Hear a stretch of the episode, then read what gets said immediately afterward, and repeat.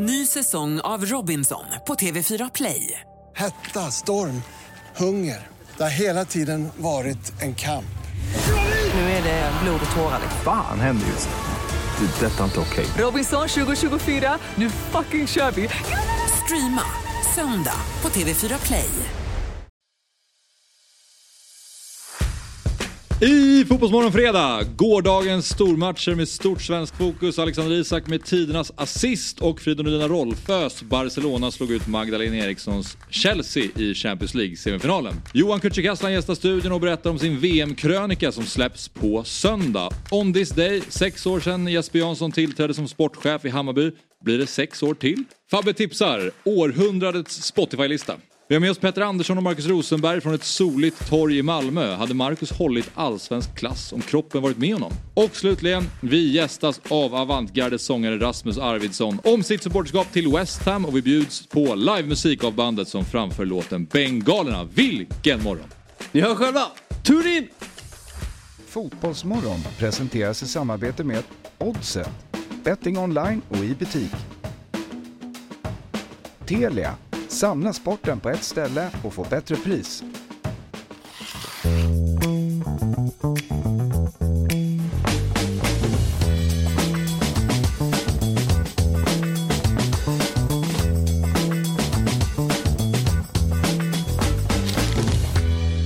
God morgon och välkomna till Fotbollsmorgon nummer 196. Fabian Ahlstrand där numera dartansvarig. Nej men vi behövde nya grejer, uppringd igår. Det var nog mitt stoltaste ögonblick här. Ja. Numera dartansvarig på Dobb. Så du får ett samtal från dartbutiken, dartbutiken. Ja. och eh, de Martin. frågar om, Mm. om vi behöver ny, nytt gear. Ja. Så ringer de tydligen Fabbe då. Ja, Så är det, Ja, så är det den världen vi lever i. Får vi, får vi rätta efter för det? att du har så bra relation med Axén då? Nej jag vet inte, alltså ingen aning. Men eh, uppringd. Och... Eller skulle du säga att du har en bra relation med Axén? Hur skulle du beskriva din Ja, den är relation upp och med Axén?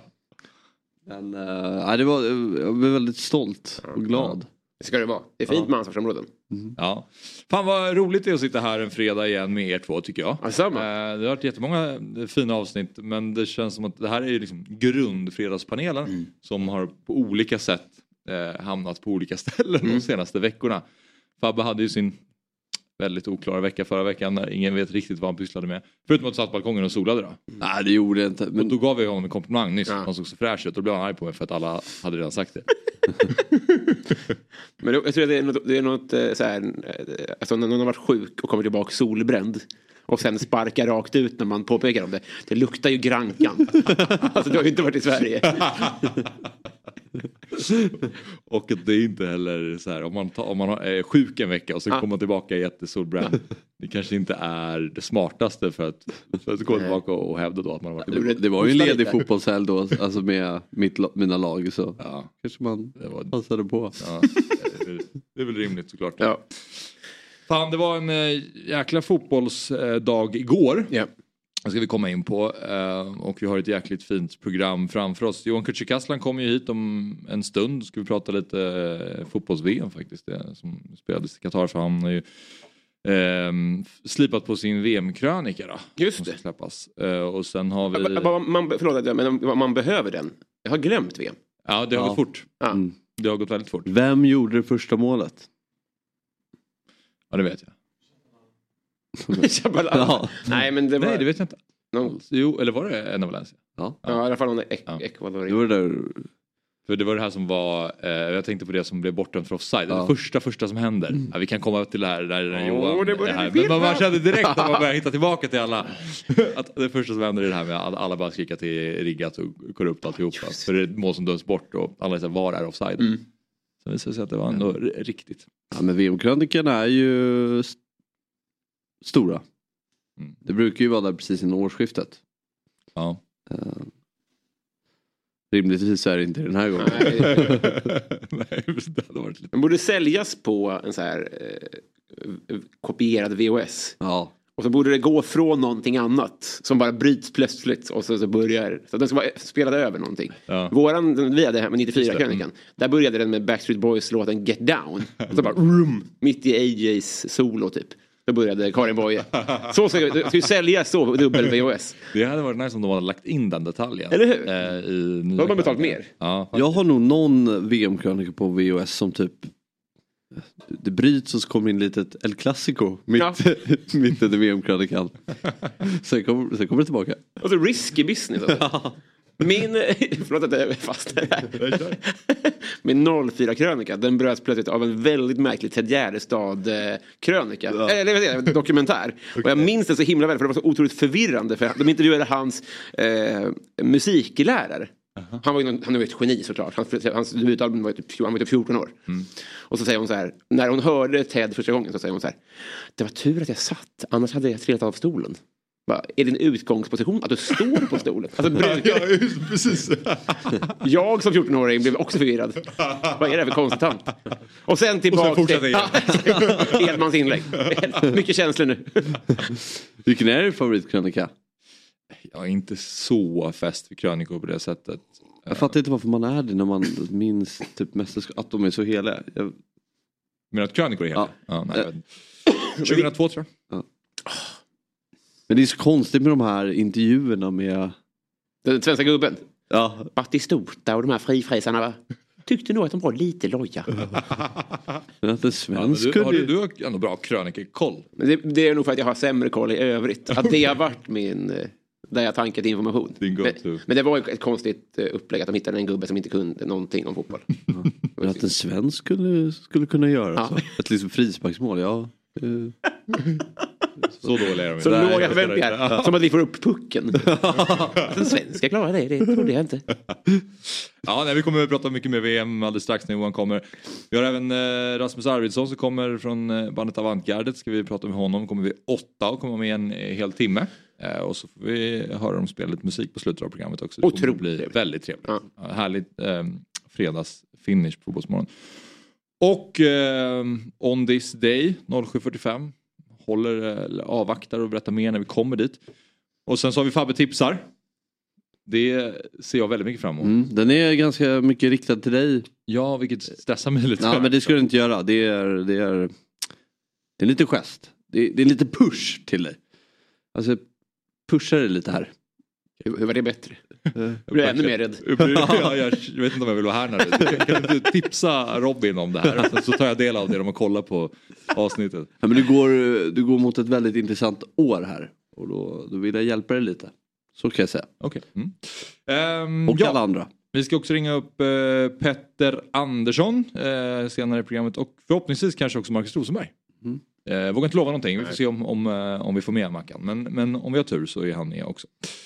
Så är det, så det är ett fint avsnitt. Eh, Men eh, inledningsvis då, vi måste nämna Dobb-TV såklart. Vi har ju fortfarande våran eh, kampanj då när man kan ange Fotbollsmorgon, alltså koden Fotbollsmorgon när man startar ett abonnemang på Dobb-TV. Då får man två veckor gratis utan bindningstid. För det är ju så då att vi har uppgraderat vår app.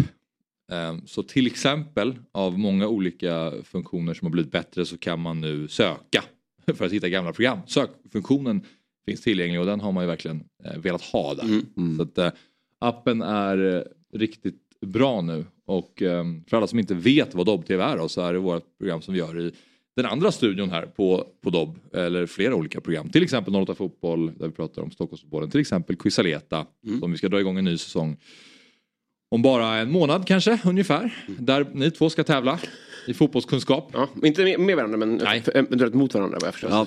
I alla fall delta Väldigt kul. på olika håll. Eh, Det kommer bli jättespännande. Jag var på gymmet eh, på litet besök. Okej. Bara tittade omkring och då hade jag eh, Eurotalk bara ljudfunktionen i örat.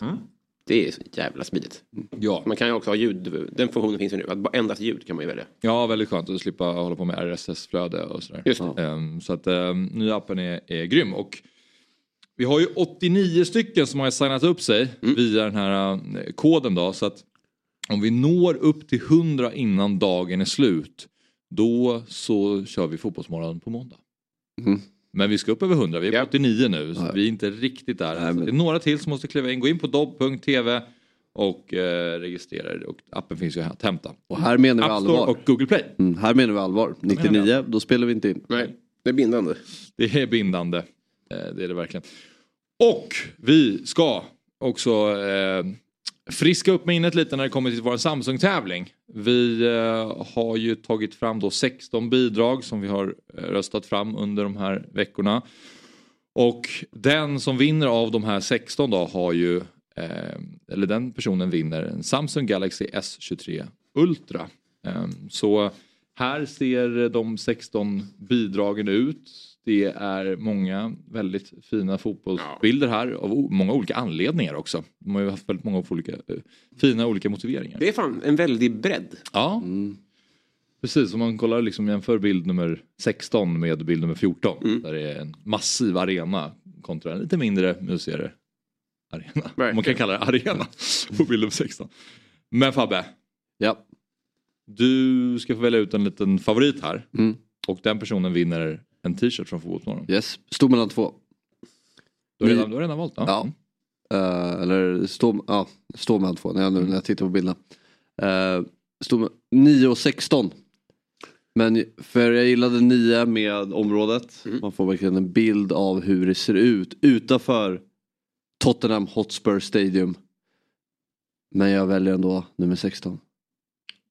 Sebastian Hult. Sebastian Hult. Ja men jag bara får den här. Det är maj. Och man, eh, det är lördag. Och man ska kliva ner och kolla lite på fotboll. Det där gruset och den där liksom, porten eller ingången. Nej det är... Skriker fotboll. Här får man en känsla av hur det inte ser ut utanför Tottenham Hotspur Stadium. Ja lite.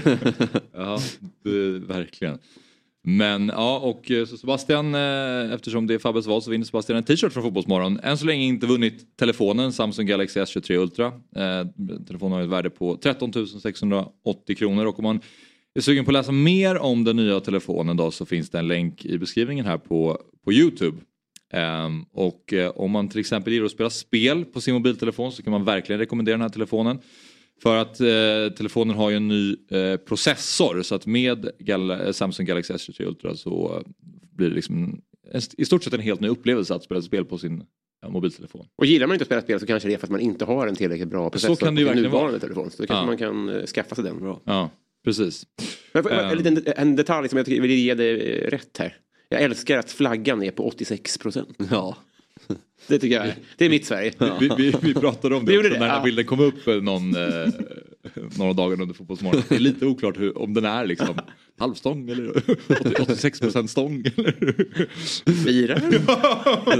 Sörjer vi? Och är den bara he- helt vit? Ja exakt. Visst är det fred?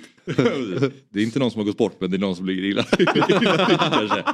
Det är koma flaggstången. ja men eh, ja. eh, Jag ska bara återkomma till, eh, till telefonen en snabbis här. För den har ju en ny processor så det är bra. Det är kul att spela spel på den och ehm, tillsammans med 5G från Telia så tar ju det upplevelsen till en helt ny nivå. Så är det. Eh, tack Telia och tack Samsung som är med och sponsrar Fotbollsmorgon. Nu måste vi prata lite om det som hände igår. Ja. Ehm, för att det var ju jäkla fart på matcherna Ja, igår. Tog ni del av någon fotboll under torsdagskvällen? Jag har ju svårt att göra det eh, då jag har träning sent. Så det blir att man kan se lite och det gjorde jag. Och då såg jag Tottenham. Upphämtningen, så jag fick ändå se en del, lite av det. Mm. Och, eh, men sen har jag tagit del av Isaks assist. Ja, Och det är väl där man vill stanna till vid va? absolut. Det är ju, den är ju helt bisarr. Bisarr. Och han är ju, han visar ju att han är en, alltså, en världs, världsspelare. Mm. Ja, den är helt otrolig. Den är... Nej, det- vad, vad, har- har du sett den? Mm. Ja. Jag såg det faktiskt eh, live. Jag satte, Okej, satte du- igång sändningen åtta sekunder innan typ. Jag hade fruktansvärt tur. Eh, det var roligt. Jag eh, Guardians podcast, de noterade, för det blev ju alltså inte eh, assist. Nej, han fick inte den där va? För att det är en touch på Godfrey tror jag det. Och då hade de en rolig idé att eh, när, det är Jacob Murphy som slår in den då. Att han borde istället för att peka på Isak borde han peka på, på eh, Godfrey. det hade varit så jävla roligt. Gå och krama honom istället. Som fick assisten. Nej, det var ju helt otroligt. Alltså, det, eh, man börjar ju tänka på ifall det är det värsta man har sett och sånt där. Det, det är det väl. Men det, det dras ju lite ner av att de har ju gett upp hela säsongen. Everton. Ja, det, ja. man, man ser ju det att de är ju, de är ju någon annanstans. Men det, ju, det tar ju inte bort allt från Isak. Nej. Nej. Eh, Men det kommer jag inte komma ihåg om tio år. När han gör den assisten. Att det var ett utcheckat Everton. Nej, så är det nog. Om, I den mån det koms ihåg. Men matchens dignitet kommer göra att man kanske inte kommer att komma ihåg det. Nej. Men jag, alltså, ja, det, är, det är helt vansinnigt. Det, det är någonting med de här... eh, Keane rundar han fyra gånger tror jag. Ja. Det, är det. det är bara tre pers inblandade men det är, han gör 14-15 dribblingar. Ja. Men jag tycker, eller fortsätt. Det är ju någonting när de dansar på kortlinjen. Och, Ja. Alltså linjerna. Att det är som... Man tror hela tiden att nu kan han inte komma längre. Nej. För att han har ingen yta kvar att jobba med. Nej. Och det är tre pers framför, bakom och bredvid honom. Men då är touchen så väl avvägd att han den verkligen slickar linjen och han håller den på plan. Det är helt galet. Och eh, det börjar ju i halva plan Mm. dessutom. Ja. Han hade ju en sån där eh, eh, sekvens, när, eller den är ju inte helt, men det påminner där mot Slovakien som hade kunnat varit ett helt, alltså, Och sen har han väl mot, i Liverpool också i, eh, i sin debut. ja. Var han också någon sån som, som inte heller slutar, jag tror det, det där är, om det blir bortdömt eller något sånt där. Det här är första gången som det blir en slutprodukt. Ja. Och det kommer ju göra att man kommer komma ihåg det. Och det kommer göra att det blir eko också. Det är lite som att när han spelar fotboll då, det känns som att han springer runt på en hinderbana. Att så här, han ska hitta vägarna fram. Ja. Eh, Men det, det var, jag, när vi pratade fotbollsmorgon lördag så hävdade jag att man, i landslaget så skulle man kunna spela Alexander Isak som vänsterytter. Eh, och spela Foppa som tia. Och eh, då Gyökeres på topp och sen eh, Ku- Kulusevski till höger. Och eh, det är just för vi pratade om att han gillade, precis det vi såg där, att han gillar ju att hämta bollen lite lägre och komma rättvänd mot försvararna. För han är ju skicklig anfallare också såklart och gör mycket mål. Och, eh, men det känns inte som att det är det som är hans spetsegenskap Nej. på riktigt ändå. Alltså målgörandet. han är ju ingen anfallare i, sig. Nej. På sättet han spelar på. Och, eh, Man vill ju involvera honom i spelet. Ja och så här, jag tycker inte man kan kräva, för många vill hävda att han gör lite för lite mål och sådär. Men jag Nu tycker, kan man inte göra det riktigt. Nej, nej nu Nej. kan man verkligen inte göra det. För nu har han ett enormt bra målsnitt. Men att, Mm. att det är det som fattas. Men samtidigt på det sättet han spelar på när han hämtar boll och kan ta, transportera den 30 meter. Så tycker jag inte att man kan kräva liksom 20 mål av honom i, i Premier League. Även fast han har absolut potential att göra Ja. Men han har så mycket annat och äh, det är läskigt hur bra han är. Ja. Jag var tvungen att gå in lite som du sa, man började fundera på vilka är de snyggaste assist man har sett. Eh, och jag eh, sökte och då hittade jag mycket bara så här most assists. Det var svårt att hitta mm best assists. Det, det känns inte som att det rankas så ofta. Men jag hittade något YouTube-klipp i alla fall där det var någon så här sjuka assister.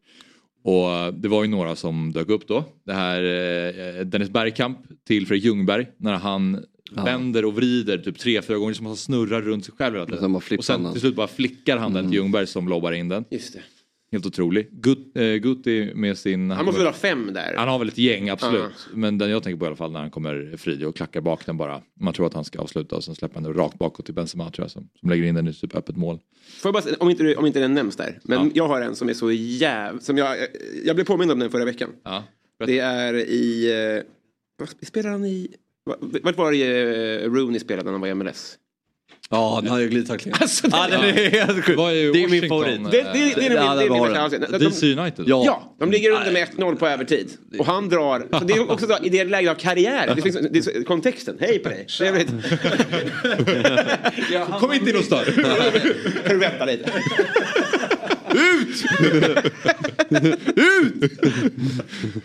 Det är galet. Just att han är liksom, han är, ju, han är ju förmodligen typ 26 där. Han är mycket yngre än man tror. Men han, han är ju på slutet av karriären verkligen. Ja. Så drar han ändå sånt jävla Ja, hemläpp. Och sen så saxar han perfekt en glidtackling.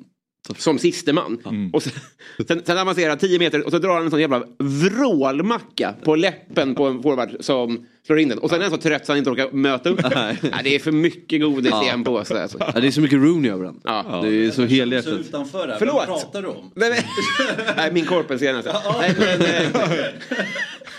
andra härliga assister. Och sen så okej, okej. Rooneys i DC United. Vi var inne på Alexander Isaks assist Ja. igår och eh, då pratade vi om lite andra sjuka assist man har sett. Och den här Rooney, om du vet vilken vi pratar om. När han glidtacklar till sig bollen sista sekunden typ av matchen. Jag låtsas som att jag bara kopplar det. Det är för tidigt på morgonen. Det är, ja. Det är ren slump. Jag såg den på Twitter i veckan, annars hade jag också glömt bort det såklart. Okej. Men jag, den, en, en annan som är där uppe som hände nyligen det är ju Leaus assist. Bara tar bollen från hela planen och springer. Mot Milan- och jag älskar att Rod fira själv.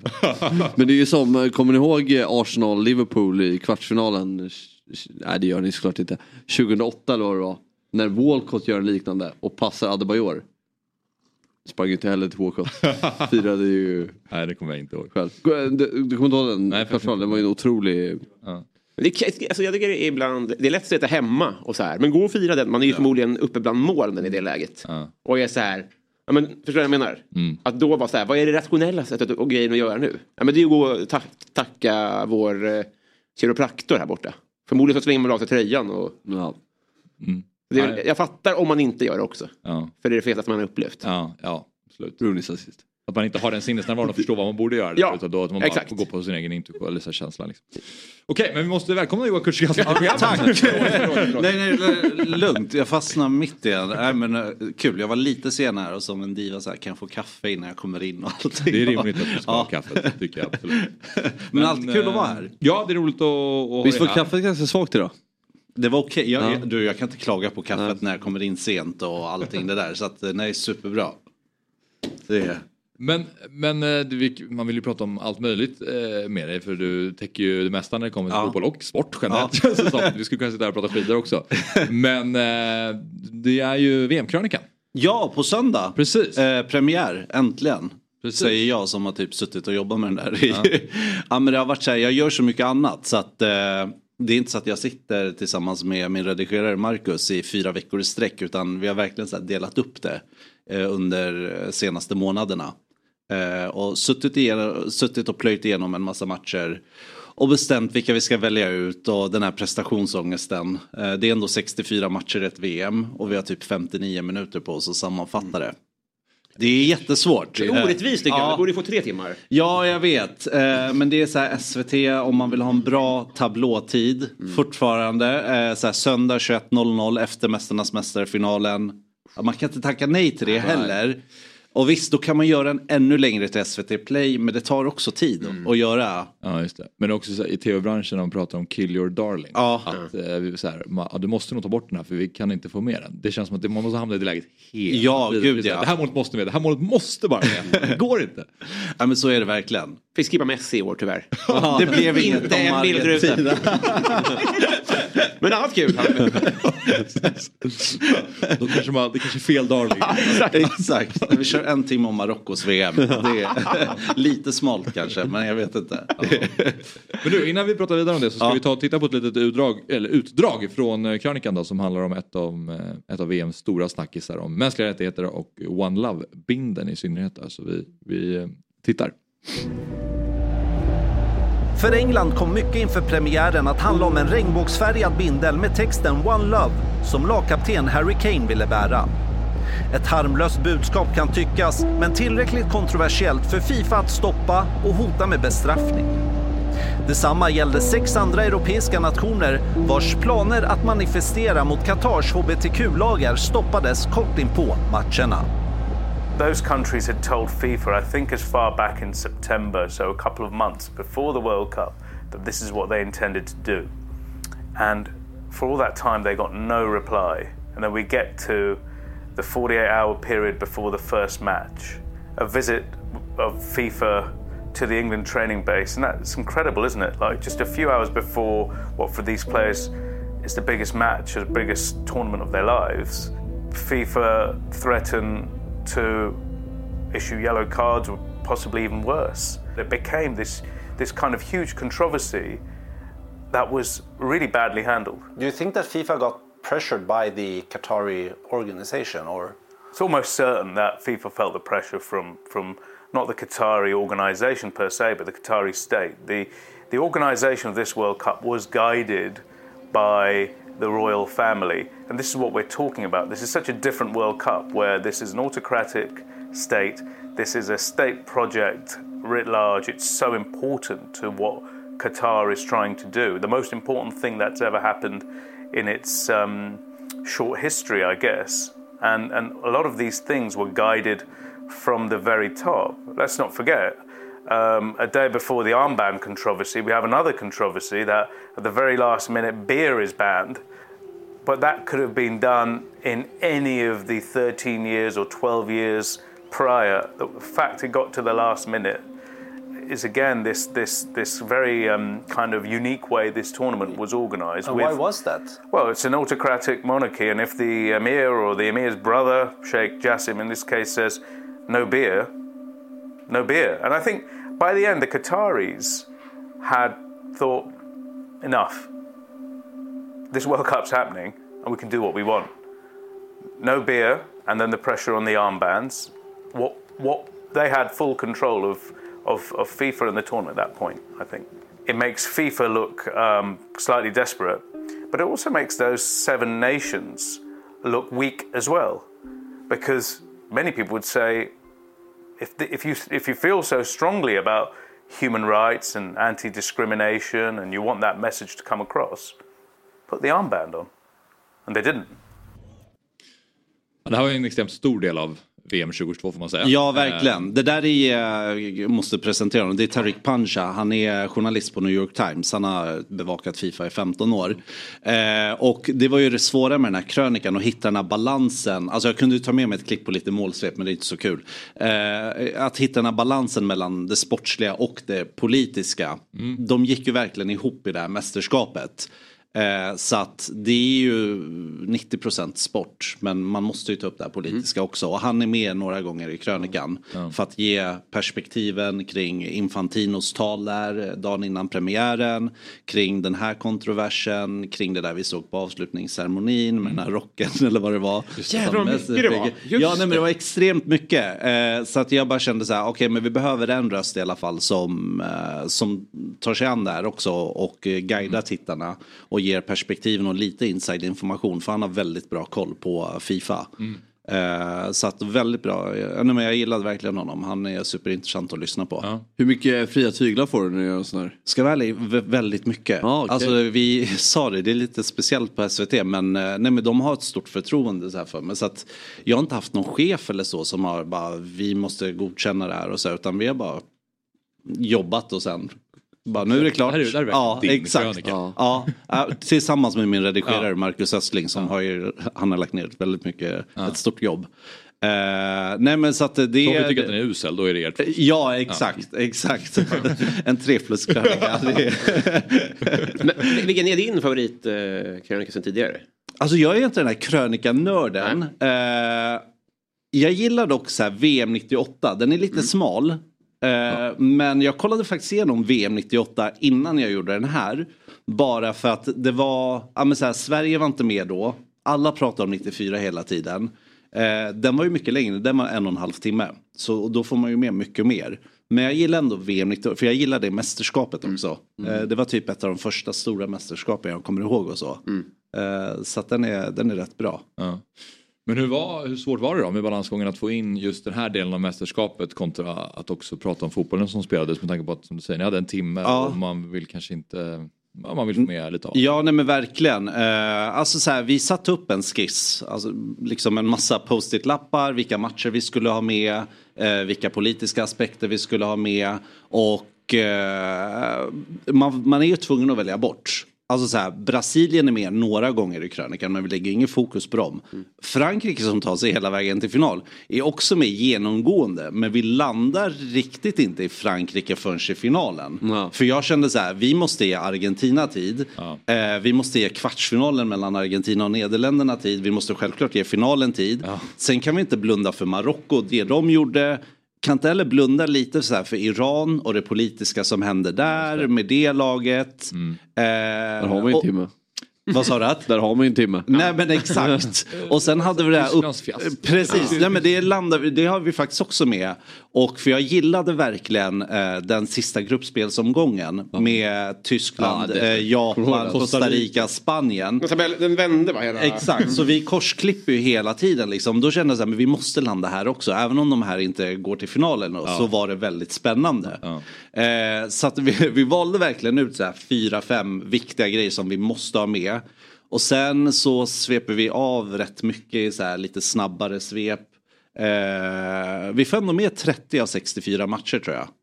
Okej. Ja, det är ändå helt okej. Ja. Men tar du något så här, vi pratar om de här greppen man har tagit tidigare. I Ja. 90 till exempel då är det väl eh, eh, Bosse, vad heter han? Bosse Hansson. Bosse Hansson som sitter i i redigeringsrummet.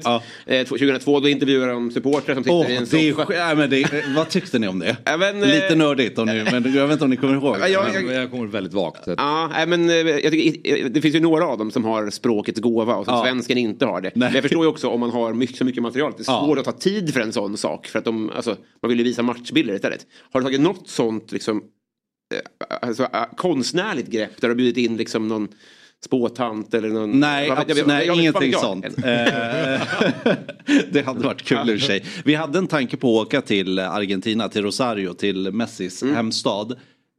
Jag var ju där i höstas och spelade in inför VM. Och vi träffade ju hans granne då, hans förra granne. Och så här, jag tänkte bara, ska vi åka dit? Men sen landade jag i, alltså så här, man har 59 minuter. Jag vet själv när Sverige är med, det går åt så himla mycket tid till intervjuer. Och nu när Sverige inte är med så är det väldigt svårt att få intervjuer. Och då var jag så här realistisk, jag bara, kommer jag kunna få en intervju med Messi på så här kort tid? Nej. Ja. Exakt, jag ringer honom. Nej men det tar typ ett och ett halvt år kanske att få en sån intervju, eh, om ens det. Sen kontaktade jag Emiliano Martinez, agent, för jag bara, men han var ändå en framstående spelare. Vi fick lite kontakt. Sen ville han ha pengar, eh, Martinez agent. Och jag förklarade för honom, bara, vi betalar inte för intervjuer. Det här är så här ingen två timmars inspelning, vi behöver typ 20 minuter. Eh, men då slutade han svara. Så att han ignorerade mina samtal och mejl i så här tre veckors tid. Efter att vi hade haft kontakt och han var så här positiv. Men när det kom till pengadelen. Så bara förklarade jag för honom, bara, men vi, alltså dels här i Sverige betalar vi aldrig för Nej. intervjuer och sen bara speciellt inte SVT kan ni inte göra det. Eh, sen är det när han bara, han ghostar mig helt den jäveln. Och jag bara känner så här, men jag bara, han tjänar för fan över så här, han tjänar nästan två miljoner i veckan. Vad vill han ha? Alltså hur mycket, hur mycket pengar vill han ha? Två lax Nej men exakt, så här, gör det skillnad om man får så här 10 000? För jag fattar ingenting. Det är klart att de där skulle ner i agentens ficka. Men jävligt oskönt ändå får man säga. Men också, Det känns också rimligt att Martinez agent inte alltså, är osoft. Ja. Alltså, om Ja. man ska förhöra honom, då kan inte han vara... Nej, Ett det är steg ju upp. också, Exakt. också det man minns från han han höll sin, vad var det, han- målvaktshandskan I- ja, i precis. guld liksom, Ja. nere vid skrevet och Ja. firade liksom. Exakt. Ja, det är, han är ju galen. Ja men så är det ju. Men nej så att eh, det gav oss, alltså det positiva, att det gav oss ändå mer tid till att få med fler matcher. För hade jag haft så här 10 till 15 minuters intervjuer så hade det försvunnit ännu mer, eh, ännu mer tid. Hur mycket tänker du dramaturgi när du... Ja, väl- ja, väldigt ju- mycket, ja. extremt viktigt. Snacka om så här, att man ska ha ett anslag i början, Ja. kommer in med lite fart och sen att man försöker bibehålla tittarna. Liksom, Nej men det är hela- jätteviktigt. Mm. Just för att fånga tittarnas intresse. Eh, så det är rätt högt tempo Mm. i, i den. Men alltså jag har kollat igenom, sen blir man så här blind när man har kollat igenom en, ett eh, program fem, sex gånger. Mm. Eh, men det, jag tycker ändå att det är ett bra tempo, det blir aldrig långtråkigt. Det känns inte så stressat heller tycker jag. För man hinner ändå landa i vissa matcher. Alltså finalen ville man verkligen ge tid. Mm. Den var ju sjuk. Alltså det är Ja. roligt hur fort man glömmer. eh, Det var det jag tänkte fråga. Vad upplever du nu när du har grottat Indien? Ja. Vad hade du glömt? Ja, typ allt. nej, men, nej, men alltså, det är väldigt speciellt när man är på VM och bevakar det och ser allting live och ingenting på tv. Eh, nej, men, så här, finalen var en helt annan upplevelse på tv än live också. Det var som, alltså det är klart det var spännande där men det var så mycket känslor och så så att när man har landat och kollat igenom på tv så var det så här nästan ännu sjukare. Eh, över, jag tycker bara synd om Frankrike. Alltså att de ändå kom ikapp men inte lyckades vinna. Och sen kände jag, jag vet inte om man säger i kyrkan nu men Argentina hade ju flyt genom turneringen. Alltså det var många straffar de fick. Det hade jag ju glömt bort. Alltså hur många straffar de fick. Och de fick så här straffar också. Ja men du vet som ger dem ledningsmålet i matcherna. Som ger dem momentum. Men de var ju illa ute många gånger. Alltså de var illa ute mot Australien i, i åttondelen. Och sen mot uh, Nederländerna, Holland uh, uppenbarligen. Australien är ju i, nära på att göra mål Ja, precis i ja, ja. slutet ja, där. ja. Så det Torskade premiären också. Ja, precis mot Saudi. Ja. Ja, det är verkligen. Det är, och då efter den matchen så var ju alla på Messi och jag satt och Ja. slogs för att jag tyckte att han gjorde en bra insats. Eh, Men så, men så kommer han då. Kanske var därför Martinez inte ville ta upp på intervju. För han visste att din första fråga skulle vara "Va, Ni förtjänade inte att vinna, vilka borde ha vunnit? Exakt. Jag har två lax för att svara på den frågan. Precis. verkar ha, det, det borras i huset eller det görs någonting här. Så det, det är Ja. oklart om vi är eh, live just nu. Men vi spelar in i alla fall så att det här, Ja. vi ska kunna skicka ut avsnittet. Underbart. Men ja, bara så att, så att ni vet. Men eh, okej. eh, otroligt ändå. Och då, men vi måste ge lite cred till redigeraren också. Marcus. Ja, Marcus Östling. Ja. Jag är rätt bra på att delegera. Eh, så att, eh, ja men alltså eh, han, nej men han har ju fått sitta, jag sitter ju inte med varje sekund i en redigering. Alltså vi lägger upp en plan, jag sitter och skriver manus, jag säger ut så här, vilka grejer han ska välja och så. Men sen när man jobbar med en person man litar på också så är det väldigt lätt att bara sköter du det här och så skickar han utkast till mig hela tiden. Ja. Eh, det, är, det är skönare för båda parter för att annars kommer jag bara sitta bredvid och bara men och lägga mig i så här små detaljer hela tiden. Och sånt hatar redigerare. Det är ju jättejobbigt när Ja, ja, ja. Ja, nej, men- såklart. Ja, men de vill ju inte det. Utan eh, det är bättre så att han klipper en version. Jag skriver ner vad som inte funkar. Ber honom ändra. Ja. Nej, det är ju lite småstressigt att ha någon som Ja. sitter över ens axel Ja, men verkligen. på. Granska. Ja. När skickade ni in den? I tisdags. Fan, Skön känsla. Vad sa du? Skön känsla. Ja men också så att jag inte var 100% nöjd med min speak typ och så här. Det är ju du vet det är sådana grejer. Jag bara nej jag orkar fan inte läsa om igen. Men eh, mitt förslag innan, kommer ni släppa den på, på VHS? Alltså så här ful VHS. Det hade varit så jävla Det hade varit väldigt kul. Eller hur? Ja verkligen. Jag tror inte SVT tänker så. eh, någon får typ ladda ner den Ja. från SVT Play Det- på ett fult sätt. Jag tycker Och oavsett. VHS eller inte så börjar hela dokumentären med någon oklar musikvideo. Exakt. Ja. Ja, ja, ja. ja. Eller, eller mitt, i mitten bara. Exakt. Bryt och så kommer någon gammal dokumentär. Det var så jävla snyggt. Alltså mitt i dokumentären, att du har klämt in här, lite K-special eller något. Att någon har spelat över med någon skit. Eller någons Man Lucia-tåg. vågar ju inte spåra för mycket. Nej, jag. Eh, jag kör rätt safe alltså. Det är... För folk har fan åsikter. Alltså jag, mig skiter, jag bryr mig inte jättemycket om krönikor om jag ska vara ärlig. Nej. Men det, jag får ju DMs hela tiden. Hej, när släpps VM-krönikan? Bara, Jo, den finns på YouTube. Alltså det är bara att kolla highlights. Nej men det är jättespeciellt för många. Men det är ju som under VM. Då ska ju, halva diskussionen kring VM är vilken studio som är bäst. Ja. Ja, det är Man jäkla snack om det. Ja. Det är, mitt, det, är med, det är då jag vill lämna Sverige mest. När folk sitter och, på Twitter och så här, vilka är bäst av SVT? Alltså, knip, njut, prata om matchen. Ja. Det är jättebra att vi har studio. Ja. Men vi, det, det är liksom ingen tävling. Nej, det, ja men det blir det för många. Ja. Det känns verkligen som ett mästerskap. Okej, men vad, vad, vad, vad upplever du att folk eh, kommer minnas mest från Qatar VM 2022 då? Är det... Det är ju, eh, alltså det är ju kontroverserna. Ja. Eh, Det, är, det går inte att komma ifrån. För att det, såklart, oftast inför ett sånt här mästerskap så är det mycket prat inför. Och sen glöms det bort lite grann. Men det här pågick ändå en bit in i mästerskapet. Det var ju egentligen på finalen där som vi alla blev sporttvättade. eh, Och liksom glömde bort det. Men det var ju mycket prat hela tiden. Jag kommer ihåg när vi för oss som bevakade också att så här aldrig glömma att liksom dras med i det här. Eh, utan att man hela tiden var tvungen att ha det här kritiska tänket.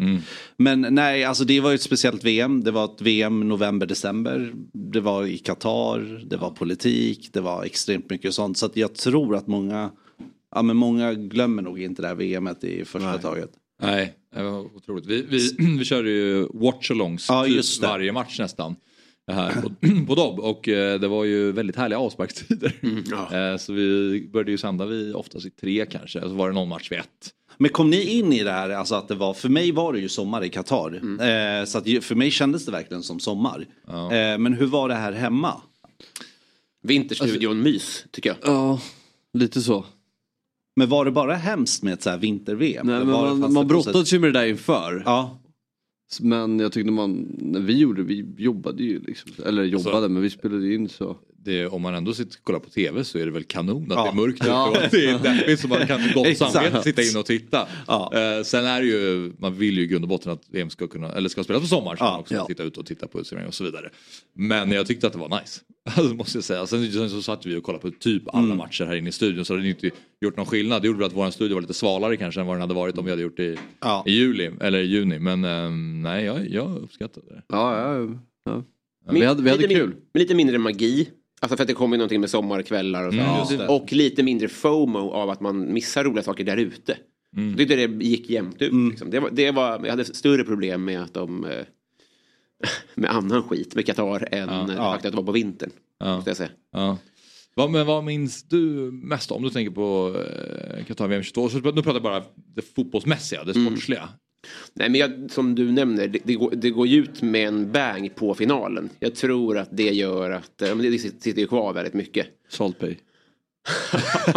Nej men det, för det blev en helt egen, cirkus den matchen tycker jag. Det känns nästan frikopplad från övriga mästerskapen på något sätt. Ehm, s- ja, lite skrällar såklart. Nej men och, alltså, ur, ur ett personligt perspektiv, allt det här. De, alltså, härliga tittarupplevelser liksom. Men inte... Ja, det, visst, jag, jag håller med dig för att vara, för att så här, grejer man pratar om, om man tar EM till exempel innan, där det var så mycket prat om så här, det var corona och det var Kulan och Svanberg fick corona och sånt där. Det släppte man ju, Ja. det minns man ju inte så mycket efteråt. Liksom. Det var ju mycket mer prat innan. För att vara det politiska och sna- snacket runt omkring så höll ju det ett grepp om det hela tiden. Att det fanns ju, det tyckte jag ändå var en marinad i hela mästerskapet. Men det var ju ett bra VM. Det får man inte, alltså rent sportsligt så var det ju verkligen Grupp, det, det var väl en period där i gruppspelet när det var Ja. väldigt lite mål inledningsvis. Ja. Så att det var det här håller på att bli det målsnålaste VM Mm. någonsin. Och sen så tog det sista, men sista gruppspelsomgången var Mm. ju otrolig. Det var ju inte bara Tysklands grupp. Det levde ju i princip i alla grupper. Ja, just det. Eh, så det var ju bra. Åttondelarna, där blev det lite mer att favoriterna höll för trycket och sådär och vann. Mm. Kvartsfinalerna var ju otroliga. Semifinalerna var ju lite tråkiga. Eh, och sen finalen. Just det. Mm. Det jag minns bara att, eh, jag vet hur det blev, men jag minns inte om det var kul.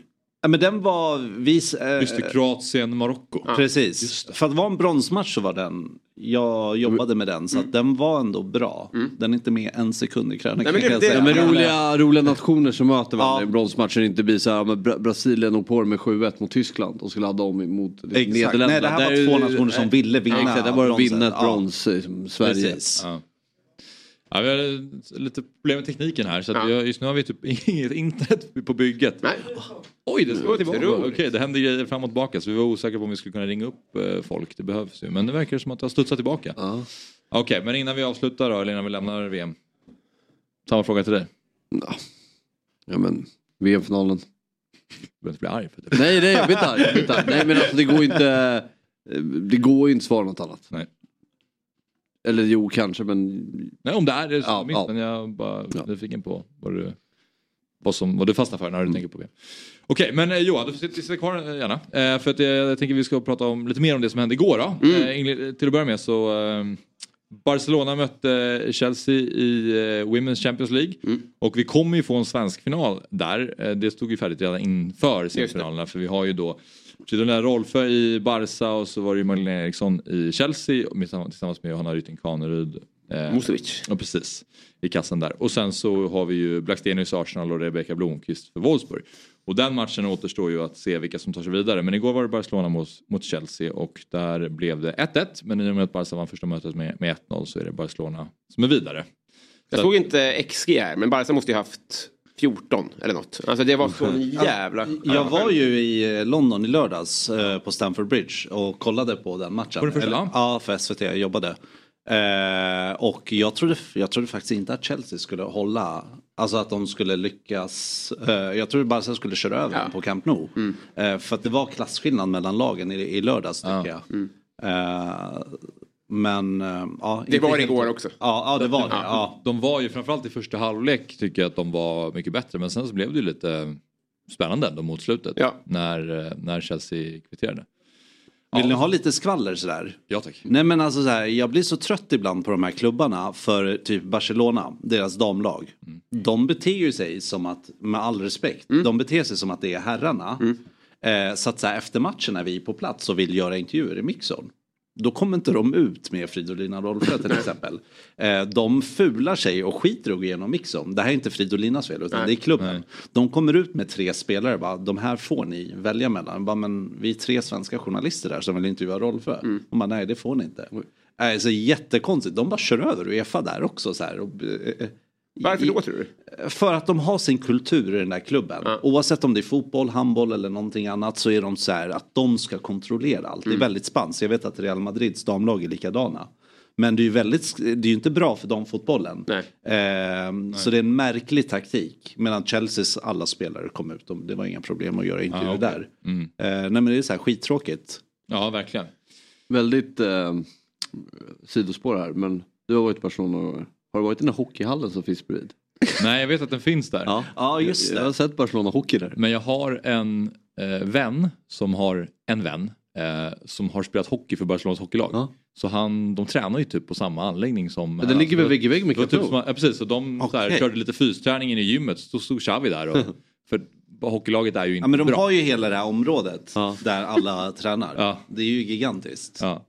Eh, Samma svin där, inga kommentarer. Nej, exakt, precis. Hockeyspelare som har ett vanligt jobb vid sidan om. Ja, nej, det är. Men eh, Barcelonas mål gjorde ju såklart av Hansen, en Mm. norsk person. De tar över nu överallt. Så även där så har vi ju inte bara Haaland och övriga. Bud på mer också, duktig. Ja, verkligen. Mm. verkligen. Men eh, jo, eh, och matchen som spelades mellan ehm, Tottenham och Manchester United måste vi bara nämna också. Det var en jävla fart i den matchen. Eh, otrolig fight. Slutade 2-2. Tot- eller United ledde med 2-0 och sen så vände, eh, eller vände, men Tottenham togs tillbaka till 2-2 i alla fall. Och man, man trodde ju där att det här kan rinna iväg och ska det bli 5-6-0 igen. Men de bet tillbaka. Eh, och så, var det någon som såg eh, matchen? Ja, jag såg den. Upphämtningen. Jobbigt att se Vigge tycker jag. Alltså, eh, vid 2-0 så kändes det som att han inte hade inte en rätt, en, ett rätt. Nej. Det var, han hade riktigt, det var, ju- Rickarlisson hade ju, det känns som att han hade identifierat det. Ja. Han hade ju inte en chans alltså. Nej. Så Det var ju, det stod, de, de höll ju nollan ganska länge. Han var ju nära på två gula där också. Han hade Ja, ju precis. Efter, Han hade rivit ner honom. Ja. Precis, han skulle kunna fått Ja. ja. Nej men eh, det, var, det, var, det hände grejer hela tiden tycker Mm. jag. Speciellt i andra halvlek. Första var väl också fartfyllt men eh, andra, när den kom igång så kändes det som att det skulle kunna bli 5-5. Mm.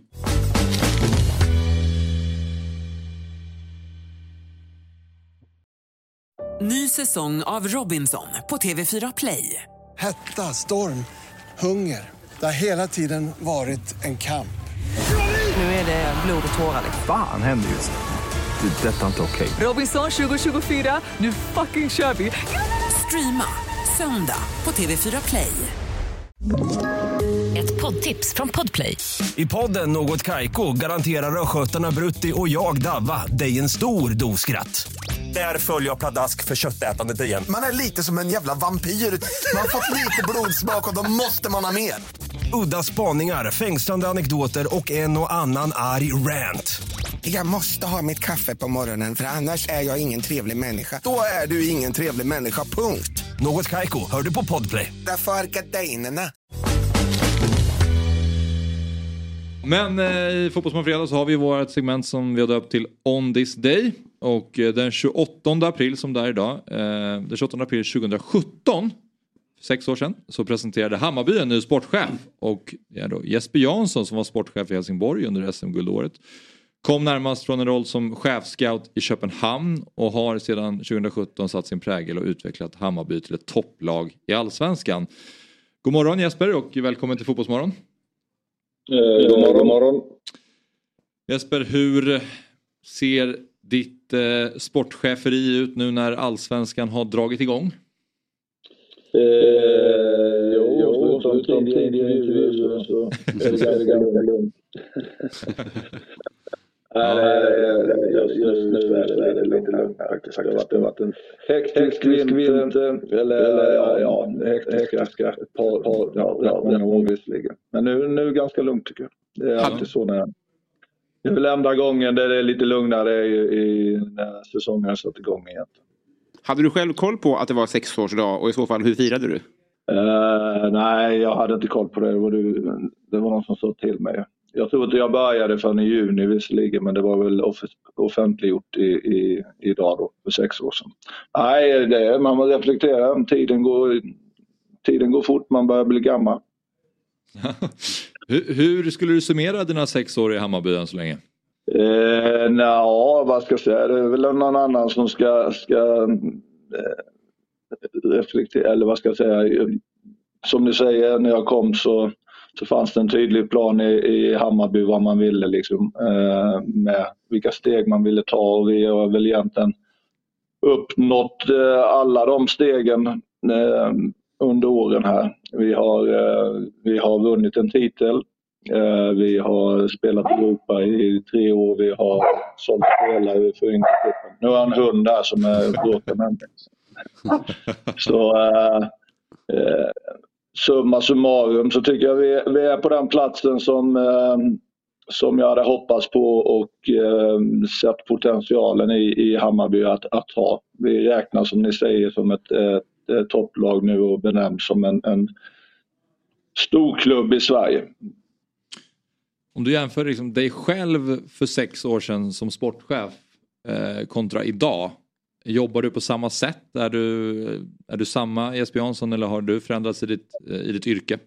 Ja, men det gör man nog hela tiden. Det är, jag, har ju jobbat eh, väldigt länge som, som sportchef och inom fotbollen och eh, jag tror det är det viktigaste. Det, det är ju att man utvecklas hela tiden.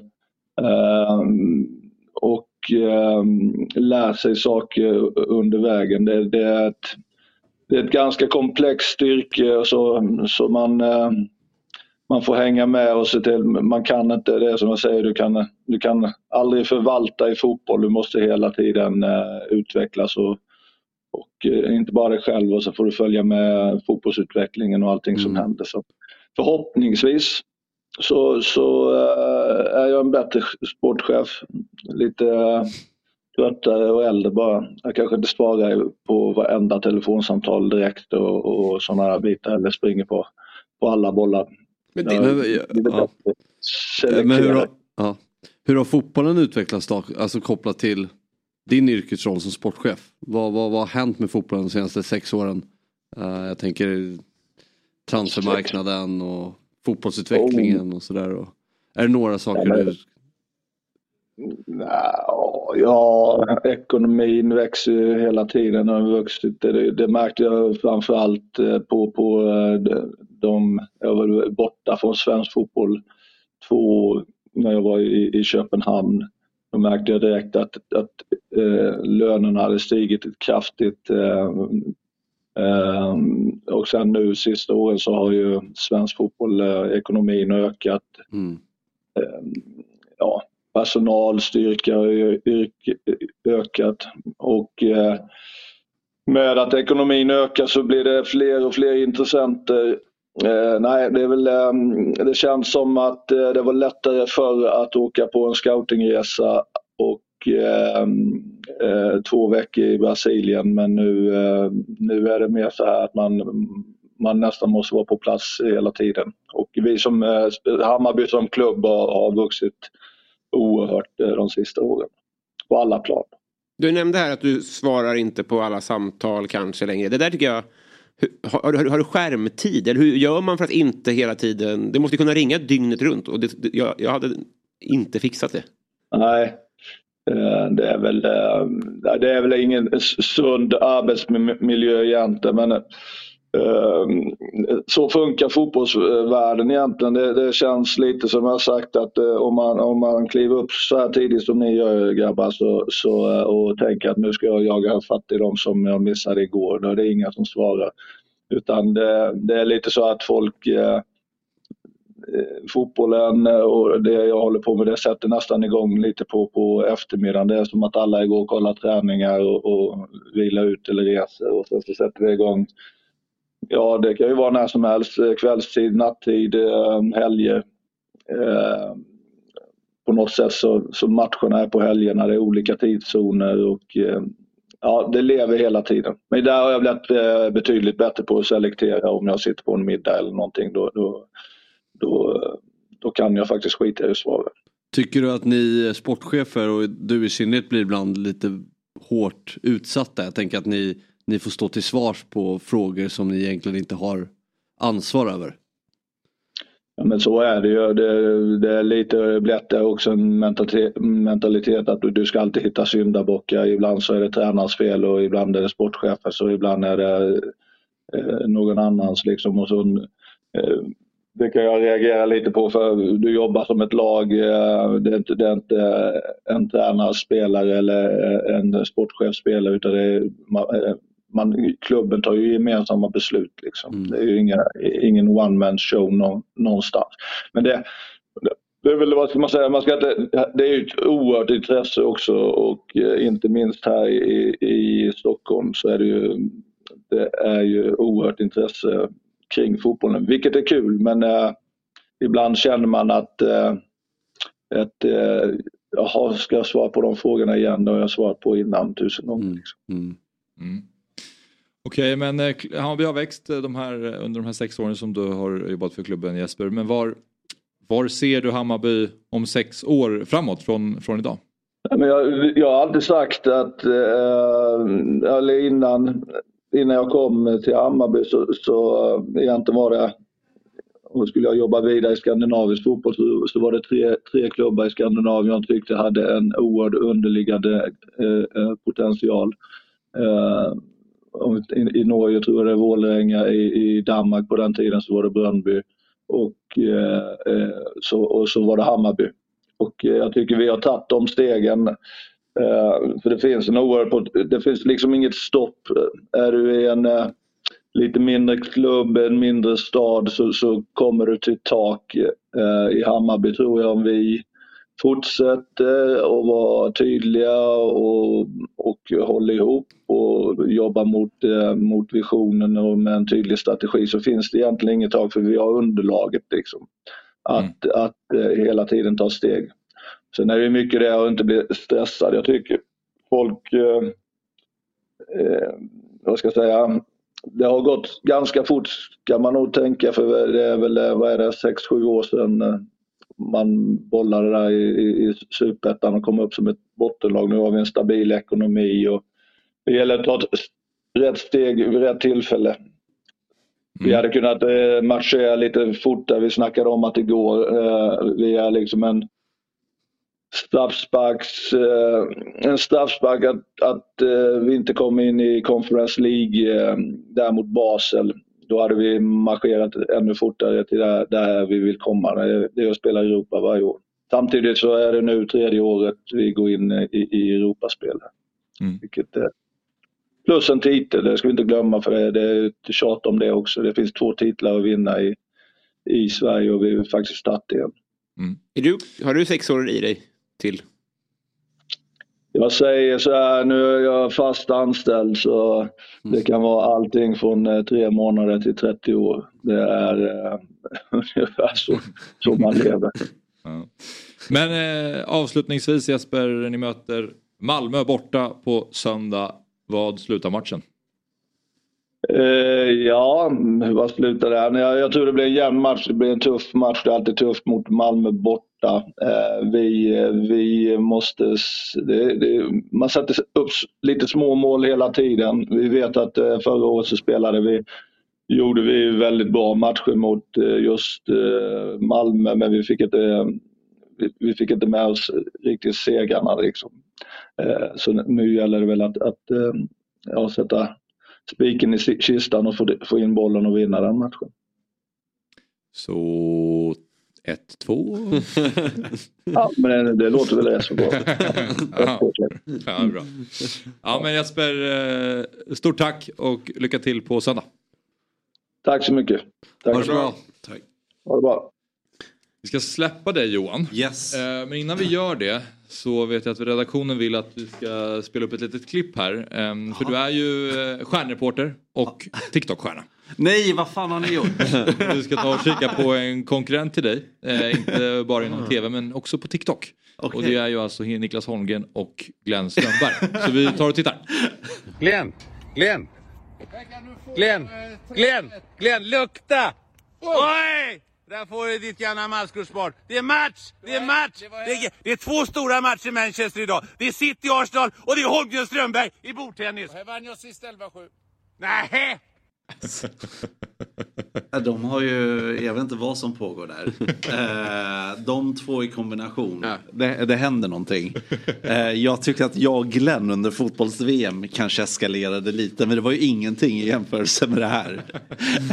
Hej Glenn!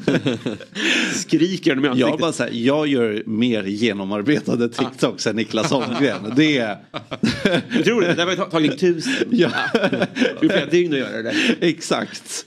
Exakt. Men eh, ja, starkt content. Folk verkar gilla det. Ja. Och in och följ Johan på TikTok också. Yes, yes. Är, ehm, du är som alltid varmt välkommen tillbaka till Ja Fotbollsmorgon. men Väldigt tack, alltid kul att vara med här.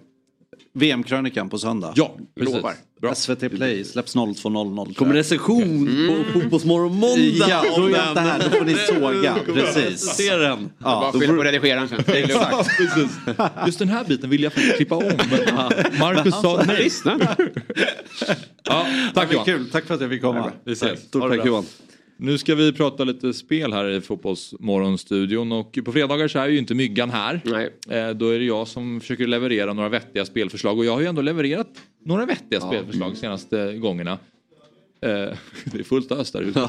I- i rummet bredvid. Rörig imorgon, Ja. allt runt omkring här Ja, som mycket händer. Spring. Vi har inte fått någon lugn och ro. Nej, Så att vi är här, krigsbunker. Man får en gitarr i huvudet. Jo, men jag hade tre raka tripplar som satt. Eh, Min eh, som jag hade förra veckan var väldigt nära. Jag missade, jag satte två av tre men Crystal Palace vägrade slå Everton hemma. Vilket när man såg dem igår, Everton, så förstår man inte hur de misslyckades. Du hade ju rätt i sak på något sätt. Jag, jag tycker vi räknar in det. Ja. Ja. Men här har vi en, jag tryckte upp oddsen lite, jag brukar ju landa på totalodds kanske runt 7 någonstans. Mm. Men eh, nu eh, ligger den på 9-13. Då har vi först AIK, slå Sirius hemma. 1,82. Alltså AIK är ju ett lag i, i kris men eh, hemma mot Sirius, vi såg att de studsade tillbaka mot Hammarby. Eh, Jag tycker ändå att det var okej odds för en, en seger för AIK här. Eh, Verkligen. Ja. Så. Verkligen. Ja. Den tog jag med. Sen hade vi båda lagen mål, Häcken, Värnamo. Ehm, häcken är ju starka men än så länge de håller inte jättemycket nollor. Och eh, Värnamo ehm, vet jag att du håller högt. Eh, Ja, men bra fotbollslag. Precis, och jag tror att jag tror att Häcken vinner den här matchen men jag tror att Värnamo kommer göra mål. Och därför båda lagen i mål. Den är två gånger pengarna. Och sen eh, Roma-Milan. Över två och ett halvt eh, mål i matchen. 2.51 fick man där. Och det blev 2-2 i första mötet när de här möttes i ligan. Ehm, och jag tänker att eftersom de båda, Milan satsar, de slåss ju om Europaplatserna så det är en viktig match för båda. De tror de står på samma poäng till och med. Ehm, men i och med att eh, Roma också förbereder sig för Bayer Leverkusen i Europa League och så har vi Milan som förbereder sig inför Derby della Madonnina. Och eh, Dybala är borta för Roma. Jag ser bara framför mig att det kan hända lite vad som helst den här matchen. Och Milan har en bra form. I Romas tre senaste matcher så har det blivit över 2,5 mål. Så jag tror att eh, det är på samma plan. De kommer göra mål men Milan kommer ju svara. Och Mm. Rafa Leao är i stor form. Så jag tror att det kan bli ett Sjöslagsläge. Ett sjöslagsläge här. Precis. Det var dit jag ville komma. Så där har ni den, min trippel. Ja, jättekul. Och det, är, det, det jag gillar med den här är ju att det är tre matcher man verkligen vill se. Ja. Och då, då blir det extra kul. Så, uh, och fina odds. Det är en uh, lördagstrippel vi ser Ja. framför oss här. Så um, in och rygga om ni vill. dob.one slash oddset. Eh, eller så använder ni QR-koden. Och eh, Oddset är en eh, produkt från Svenska Spel, Sport och Casino AB. Man måste vara 18 år för att eh, få med och spela och om man har problem med spel så finns ju stödlinjen.se. Nu hör vi att det jammas här ute. Dröm, drömtillvaro. Tillvaro. Ja. Ja, välkomna tillbaka till Fotbollsmorgon denna fredag. Mitt namn är Axel Insulander och sen så har vi Fabian Ahlstrand, Robin Berglund och nu också eh, Avantgardets sångare Rasmus Arvidsson. Välkommen till Fotbollsmorgon. Tusen tack, vilken ära. Ja. Vilka fina mickar. Fan vad bra, eh, för att du är eh, musiker så märker man att din mickteknik är fenomenal. Nej men den här micken det är världens eh, bästa mick. Så just för att du behöver inte ha någon mickteknik. Nej, okej, nej. ja. Men precis, för de bra. här är ganska kända i Ja musikvärlden. precis. Ja. Alltså du kan ju ha den eh, hur nära du vill och spela hur högt som helst och den hanterar ju det liksom. Ja, just det. Mm. Så det är bra. Ja, för det är ju många gäster som hamnar här bak. Mm. Och då eh, tar vi upp väldigt mycket rumsljud. Och det här rummet är ju egentligen inte kanske optimalt för att spela in eh, poddar. Det studsar ganska mycket Mm. på våra väggar. Men när man sitter sådär då är det inga problem. Ja. Fabbe har fortfarande inte riktigt lärt sig. Jag försöker. Du har blivit bättre. Nej, men jag, är inte, jag är inte dålig. Det är ju svårt, det jobbar ju med vridningen hela tiden. Man ska titta på det man Både du och jag borde egentligen ha sån här föreläsarmick. Så man kan gå runt i rummet och så här. Det är svårt tycker jag att hålla sig här framme. Ja. Men eh, Rasmus, eh, ni har tagit er hit till Stockholm för att spela på eh, Maggios minifestival ikväll på Avenue Arena. Ja precis, det är någon ny arena. Ja. Tror jag. Ja. Som är, ska vara där över sommaren då, det här första spelningen. Så det blir kul, verkligen. Spännande. Det är då artister som eh, Jackie Meir, säger man så? Casino, fotbollsmorgonbekantingen Linkoch Emery också. Som, eh, så det kommer nog bli en fin eh, kväll. Har hon varit här eller? Ja, Ja. precis. Håller hon på något lag eller? eller Jag, vet, inte, jag var inte med i avsnittet så jag vet inte vad, vad ni är Han med. var väl vrål eh, ointresserad. Men positivt inställd ska jag säga. Ja men det är positivt för annars brukar de som inte är intresserade vara jättenegativt inställda till fotboll för de fattar liksom inte hur mycket det betyder för samhället. Nej, och de ser det väl snarare som en, många ser det som en belastning för att man inte kommer på tunnelbanan. Ja, men och alltså, det, och sånt. alltså det värsta jag vet när de pratar om hur mycket Stockholmsderby kostar samhället. Mm. I polisinsatser och så. Och sen så glömmer man att alltså, det fotbollen ger samhället. Alltså i termer av, ja men också gemenskap för, för fansen och väldigt många människor som har en enda gemenskap, en enda sak att se upp till och det är liksom eh, uh, fotbollskamraderi liksom och bortaresor. Och också givetvis ungdomsidrotten och du vet allt det där. Det, eh, ja, det går ju nästan en rät linje mellan det där och kanske Ja men psykisk ohälsa och allt det där. Du vet allt det där jobbet som man gör i samhället som man aldrig ser det positiva resultatet av. Men så fort det är något negativt så liksom kan man klanka ner på det. Så, Ja så man blir ganska trött. Så ointresserad och positivt inställd. Fan vad kul. Håller hårt i dem. Ja verkligen. ja. Men Rasmus, du har varit med tidigare då på länk så nu har vi dig här. Så jag tänkte fråga dig eh, igen då. Berätta om din eh, relation till eh, fotboll. Eh, ja men den är ju väldigt uh, allomfamnande liksom. Jag, jag växte upp i, i Nybro som är en liksom eh, ganska så här, eh, ja men det är idrott som finns där liksom. Och den betyder allt för mig när jag var liten. Eh, så spelat fotboll, varit väldigt intresserad. Klassiska liksom fotbollsresorna till England och sådär med familjen. Och ja, men verkligen fostrad in i det. Och hade jag absolut ingen annan eh, möjlighet eller något val att göra överhuvudtaget med mitt liv än att tillbringa det i ett fotbollsomklädningsrum. Liksom. Och det var väl, alltså det var helt fantastiskt. Det var, jag hade att tacka för så oerhört mycket. Sen så liksom i takt med att jag blev en mer kanske eh, fritt tänkande individ på något sätt. Och du vet så Ja men var det andra saker jag intresserade mig för liksom. Lite så här, ja men lite högtravande men att man var en poet kanske, lite mer så här tänkande och då kände jag väl att eh, småstaden och de väldigt trånga normerna kvävde mig liksom. Och jag försökte väldigt mycket att passa in och vara den människan. Men jag var inte det och då gjorde jag liksom våld på mig själv. Vilket resulterade i, i missbruk och psykisk ohälsa. Och Dock i min eh, liksom eh, flykt så var fotbollen väldigt central i det att jag släppte liksom aldrig den. Under mina liksom både bästa och sämsta år i London så var fotbollen och, och West Ham och bortaresor och säsongskort och sådär. Det var eh, väldigt centralt eh, för mig. Även i de stunderna. Så Varför var den så, så viktig för dig där då? Uh, nej men det var ju precis allting. Även om det kunde vara väldigt destruktivt levande så var det ändå där liksom all kärlek. Alltså man kan tänka att det är en väldigt macho, alltså utifrån sett kan man tänka att det är en väldigt macho kultur liksom. Och det kan det väl på ett sätt vara men samtidigt så har jag aldrig upplevt den typen av kärlek, omtanke och respekt som finns inom en supporterkultur. Liksom. Hur man bryr sig om varandra och hur man står upp för varandra. Liksom. Så det, det är ganska komplext men väldigt intressant. Och sen eh, när jag liksom bröt med hela det livet så eh, var jag tvungen att bryta med precis allting. Och då var det väldigt jobbigt att flytta hem, inlagd på psykakuten och rehab och sådär. Och sen försöka starta om, nykter och ren och vara tillbaka på den, alltså i mitt barndomshem. Mm. Och samtidigt försöka sätta på West Hams matcher på Viaplay liksom.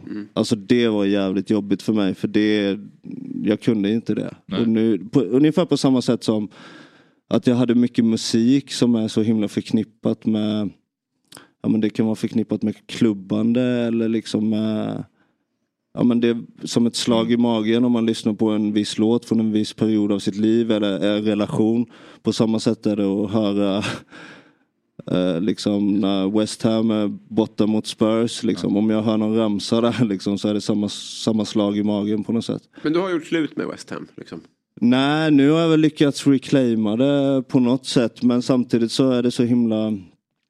Ja men det är en livsstil liksom och eh, ja, men ett sätt du lever på på något sätt. Och det är ju väldigt svårt. Just för att jag kan ju liksom inte åka tillbaka och jag kan inte hålla kontakt med mina polare där liksom för att för mig är det som att gå in i en öppen dörr liksom, eller det är inte ens någon dörr. Jag kan inte åka med min son till, eh, till London och liksom visa honom eh, östra London typ. För det innebär massa skit liksom. Mm. Så därför håller jag mig på behörigt avstånd typ. Så. Och all skit som var kring fotbollen och det som skedde? Nej det Eller var mitt liv, det var bara att det var en del av mitt liv då liksom. Okej. Som jag var tvungen att lämna så. Ja. Eh, men uh, ja, det finns väl uh, ganska mycket gränslöshet i mig liksom som gör att antingen så gör man någonting 100% eller inte liksom. Så nu, nu följer jag det liksom väldigt mycket som jag följer all fotboll. Jag menar fotbollen har blivit en sån viktig del för mig för att finnas i någon slags balans och harmoni. När det, man kan tycka vad man vill om moderna fotbollen och jag hatar den också liksom. Samtidigt så i någon slags terapeutisk, ja men lite så här opium för folket. Eh, alla, alla poddar som finns, jag lyssnar på precis allting även om det är lag som, alltså även om det är lagpoddar som jag inte är intresserad av. Och när det är liksom tisdags, onsdagsomgångar i Premier League. Även att jag liksom orsaken till det hatar jag. Så mår man ju väldigt bra av det för att det finns alltid någon match att titta på. Mm. Så eh, på så sätt så betyder det jättemycket för mig. Liksom. När var du bodde i London? Eh, 2010, alltså 10 till 15. Liksom. Hur skulle du beskriva liksom den här bortaresekulturen i England? Alltså den är väldigt stark och det är ju... Och supportkulturen i sig, alltså ja, utifrån ditt perspektiv. Alltså om man kollar så de har gjort väldigt mycket. Det är ett väldigt konstigt argument från svensk sida att säga titta på England. De har löst problemet. Nej, de har inte löst problemet. De har bara gjort det omöjligt för arbetarklassen att åka på, alltså att besöka arenorna liksom. Och det visst, det är ett sätt som Margaret Thatcher löste problemet på. Men det sättet liksom tycker inte jag är så tilltalande. Och eh, det det har blivit om man kollar på en Premier League-match liksom från Emirates eller mm, Old Trafford eller vad som helst. Så det enda du hör av publikljud det är från bortasektionen. Ja, liksom. lite det, exakt. Och det hemska där liksom, det är typ att tågbolagen till exempel, de väntar ju med att de kollar in spelschemat för Premier League-säsongen och sen sätter de priserna därefter. Liksom. Så hela samhället gör ju precis allting för att göra det omöjligt för fansen att även åka på bortamatcher och sådär. Men det finns ju väldigt många som prioriterar och köper ett bortasäsongskort istället för ett hemmasäsongskort. Liksom. Så att den eh, followingen finns ju verkligen där. Hur tog du dig runt? Alltså var det buss eller? Hur? Ja det var olika men eh, alltså om man bor i London så är det väldigt många matcher som är på väldigt behörigt avstånd sådär. Men det fanns ju också exempel på ja, men Newcastle borta liksom och man eh, kollar någon jävla buss och jag vet inte hur lång tid det tog och man vaknade upp i Newcastle på avtändning på Chack och det var bara en Clas Ohlson öppen. Liksom. Det var väldigt konstigt så här. Gå runt där på en söndag liksom klockan sex i Newcastle City Center. Ja. Kolla Clas Ohlsons skyltfönster och matchen var typ vid fem och Alltså St. James' bortasektion det är liksom, ja den är uppe i himlen typ. Det är det konstigaste jag varit med om. Och sen så det var en tid i West Ham då det var så här, alltså den pågår väl fortfarande men typ Alltså man visste att de skulle göra noll mål liksom. Det var Kevin Nolan och Andy Carroll. Som skulle göra magin liksom. Det var precis innan Payet. Alltså jag flyttade hem innan Payet kom.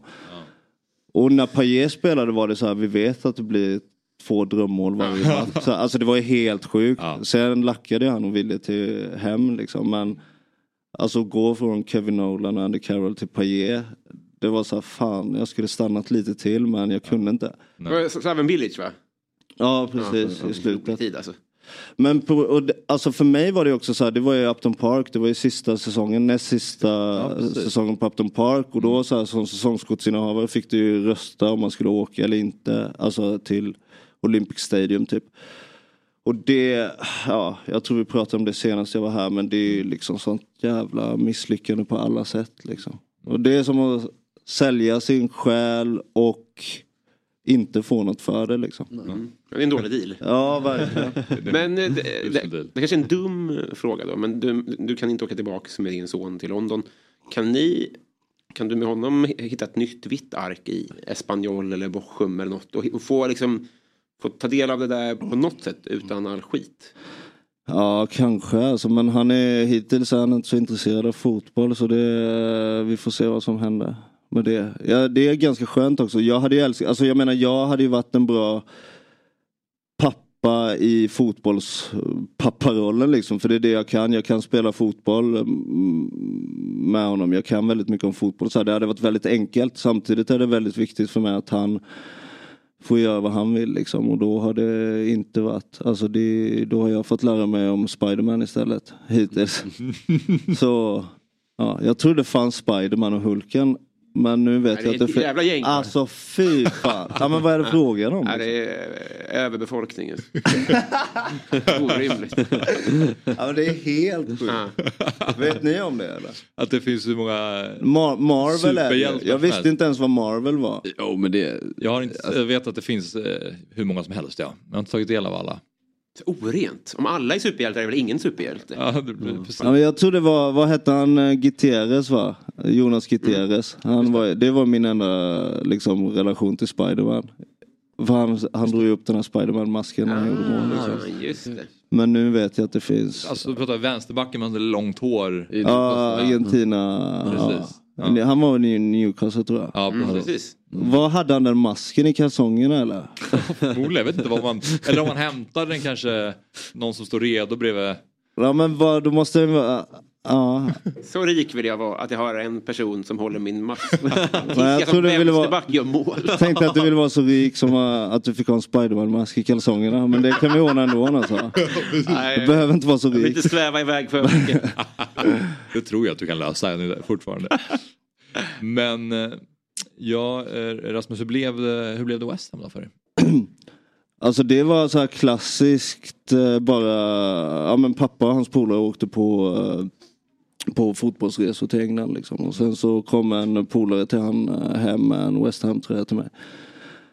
Och då, det var innan tiden, så det var liksom mitt första lag och mamma håller på Derby liksom. Pappa på Southampton. Jag på West Ham och min brorsa på Arsenal då. Och eh, ja men du vet, man bara hade ett engelskt lag. Men det var på den tiden man kunde inte följa det liksom innan. Det var inte som nu då så att man kunde ha koll på sitt lag liksom, om det var West Ham och så här. Och då så, jag hade min tröja och du vet så här, men jag håller på dem men samtidigt det var ju liksom inget supporterskap eller att du kunde göra som ungarna kan göra idag typ. Och då så, eh, sen blev jag så Ja, men jag, jag behövde verkligen någon att identifiera mig med när jag spelade fotboll typ. Alltså du vet man såg upp till någon väldigt mycket som man ville vara och du vet så här. Först var det Ronaldo, alltså brasilianska Ronaldo. Mm. Men sen blev det så här Ruth van Nistelrooy, alltså oerhört mycket. På ett maniskt sätt liksom. Och då började jag följa, och då var West Ham nere och så här. Och då så brydde jag mig väldigt mycket om liksom Ruth van Nistelrooy och Manchester United och följde dem. För de kunde liksom se precis hela tiden. Och följa alla deras matcher visades det var på Kanal Plus-tiden liksom. Eh, och då var det liksom som att det var de som tog över det. Men sen så när jag flyttade till London så återupptog jag liksom West Ham och ja men som sagt fick hela Fick hela den där, eh, jag menar, hela paketet på något sätt. Vad föll du för eh, när det kommer till Nistelrooy? Ja, men jag tycker det var så jävla grymt på något sätt. Och egentligen är det antitesen till det. är ologiskt för jag, ja, men jag är så här Maradona liksom 100%. Mm. Att, ja men George Best också, jag har bott i Belfast och George Best är en stor ja, men förebild liksom. Just för ja, men allt lika mycket utanför planen som på planen och framförallt hur man spelar sin fotboll och så här. Och därför är det väldigt konstigt att Ruth van Nistelrooy blev en stor idol just för att det enda han gjorde var mål. Men jag tyckte det var så jävla mäktigt. Ja men du vet så här 200 mål, ett var utanför straffområdet. Alla, alla, han gjorde några snygga mål, alltså så här, men det var just avslut så. Och det jobbiga var ju att jag var väl typ så här 13-14, ganska talangfull på fotboll just vad gäller spelsinne och liksom, ja men jag skulle väl vara en väldigt så här kreativ mittfältare på något sätt. Men så hade jag Ruth van Nistelrooy som förebild och jag bara, jag ska bara stå still i straffområdet. Och, ja men fattar du vad jag menar? Man identifierar sig med någon och ska Ja. vara så här. Ja. Jävligt ocharmigt. Han är väl den som har åldrats bäst i hela världen. Han är så snyggare nu än när han spelade. Han är otroligt snygg nu. Det är inte, jag, jag är kluven till det där. Men det är väl, det är väl bra. Att han har åldrats väl? väl. Ja, det är ro, det är här, alltså jag blir gladare när jag ser att folk lever livet efteråt. Det, kän- där Jaha, hade jag själv hamnat Ja. tror jag. Ja. Att han, inte, att han tar hand om sig bättre efter karriären. Ja, precis. Det är konstigt. Ja, men vill du vara så rik så att du åldras jävligt bra eller så att du åldras jävligt dåligt? För pengar kan ordna båda sakerna. Ja. Vad vill du göra med de här pengarna? Vill du förstöra ditt yttre eller vill du bevara ditt yttre? Ja, jag skulle nog vilja spränga mig själv tror jag. Men, vad fan är han nu? Är han i, han är i PSV Ja. typ eller? Som någon assisterande? precis. Tränare. Ja, huvudtränare Jag tror jag. Jaså? Ja. Åh, Jävlar. Han är på G som tränare. Var det, var det Dr. Martins Sjukt första snygg. tröjan i West Ham? Nej, Dagenham Motors. Okej. Sjukt nice alltså. Långt från Olympic Stadium. Ja men fatta, själv, det är som Bayern typ skulle ha, jag vet inte, Nisses uh, bilverkstad liksom. Mm. Fast det är, ja men som nu, tänker nu då. Ja. Nu är det Husky Cup mot Millwall. Ja. Just det. Ja. Ehm, men hur, du var eh, talangfull då själv som fotbollsspelare? Ja, Alltså jag var ju absolut inte nära att bli något men det var mer att man hade eh, så här skillset att bli något. Men eh, alltså oerhört svagt psyke. Nej men alltså fruktansvärt. Ja men det är... Blir du arg eller? Nej, jag, jag, alltså jag kunde inte springa om jag inte tyckte det var kul.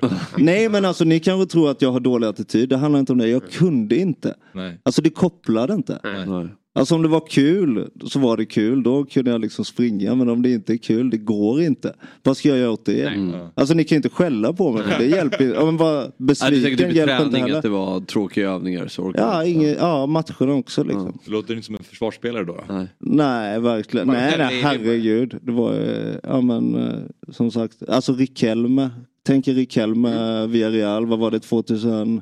Ja, precis. Ja, Ja, men 2005, Arsenal, ja, 2006 där. tänk er det. Var han dålig eller? Nej. Han var fenomenal. Ja, Ja. men det var ju liksom inte som att han var svettig kanske heller. Nej. Och, ja, det var väl vad jag lutade mig mot, men ja. Ja, okej. Men när du, för du säger att du konsumerar mycket fotboll idag, eller väldigt mycket fotboll idag. Ja. Ehm, finns det där mörkret kvar i det eller kan du sitta på det helt eh, friktionsfritt? Nej men det är mer att jag är så jävla jag är så intresserad av eh, ja, men supporterkulturen och fotbollens liksom roll i samhället och det här stora, alltså saker som jag alltid har varit väldigt intresserad av.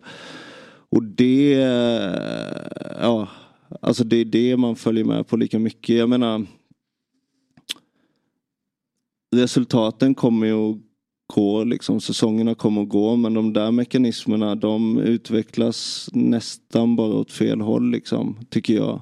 Alltså hur fans blir behandlade och hur samhället ser på deras roll på något sätt. Och Sverige är ett jättefint exempel just för att det supportrar är absolut världsklass. Både vad gäller uppslutning och vad gäller tifogrupper och allting. Samtidigt som, ja men så, som jag sa så har man England att, att se på som någon typ av Ja men så kan det också gå. Ja fast då går det fullständigt åt helvete. För grejen är att Ja men ponera att ni procentuellt skulle prisa ut samma antal och samma typ av supporter från de svenska läktarna. Då skulle det inte finnas några supportrar.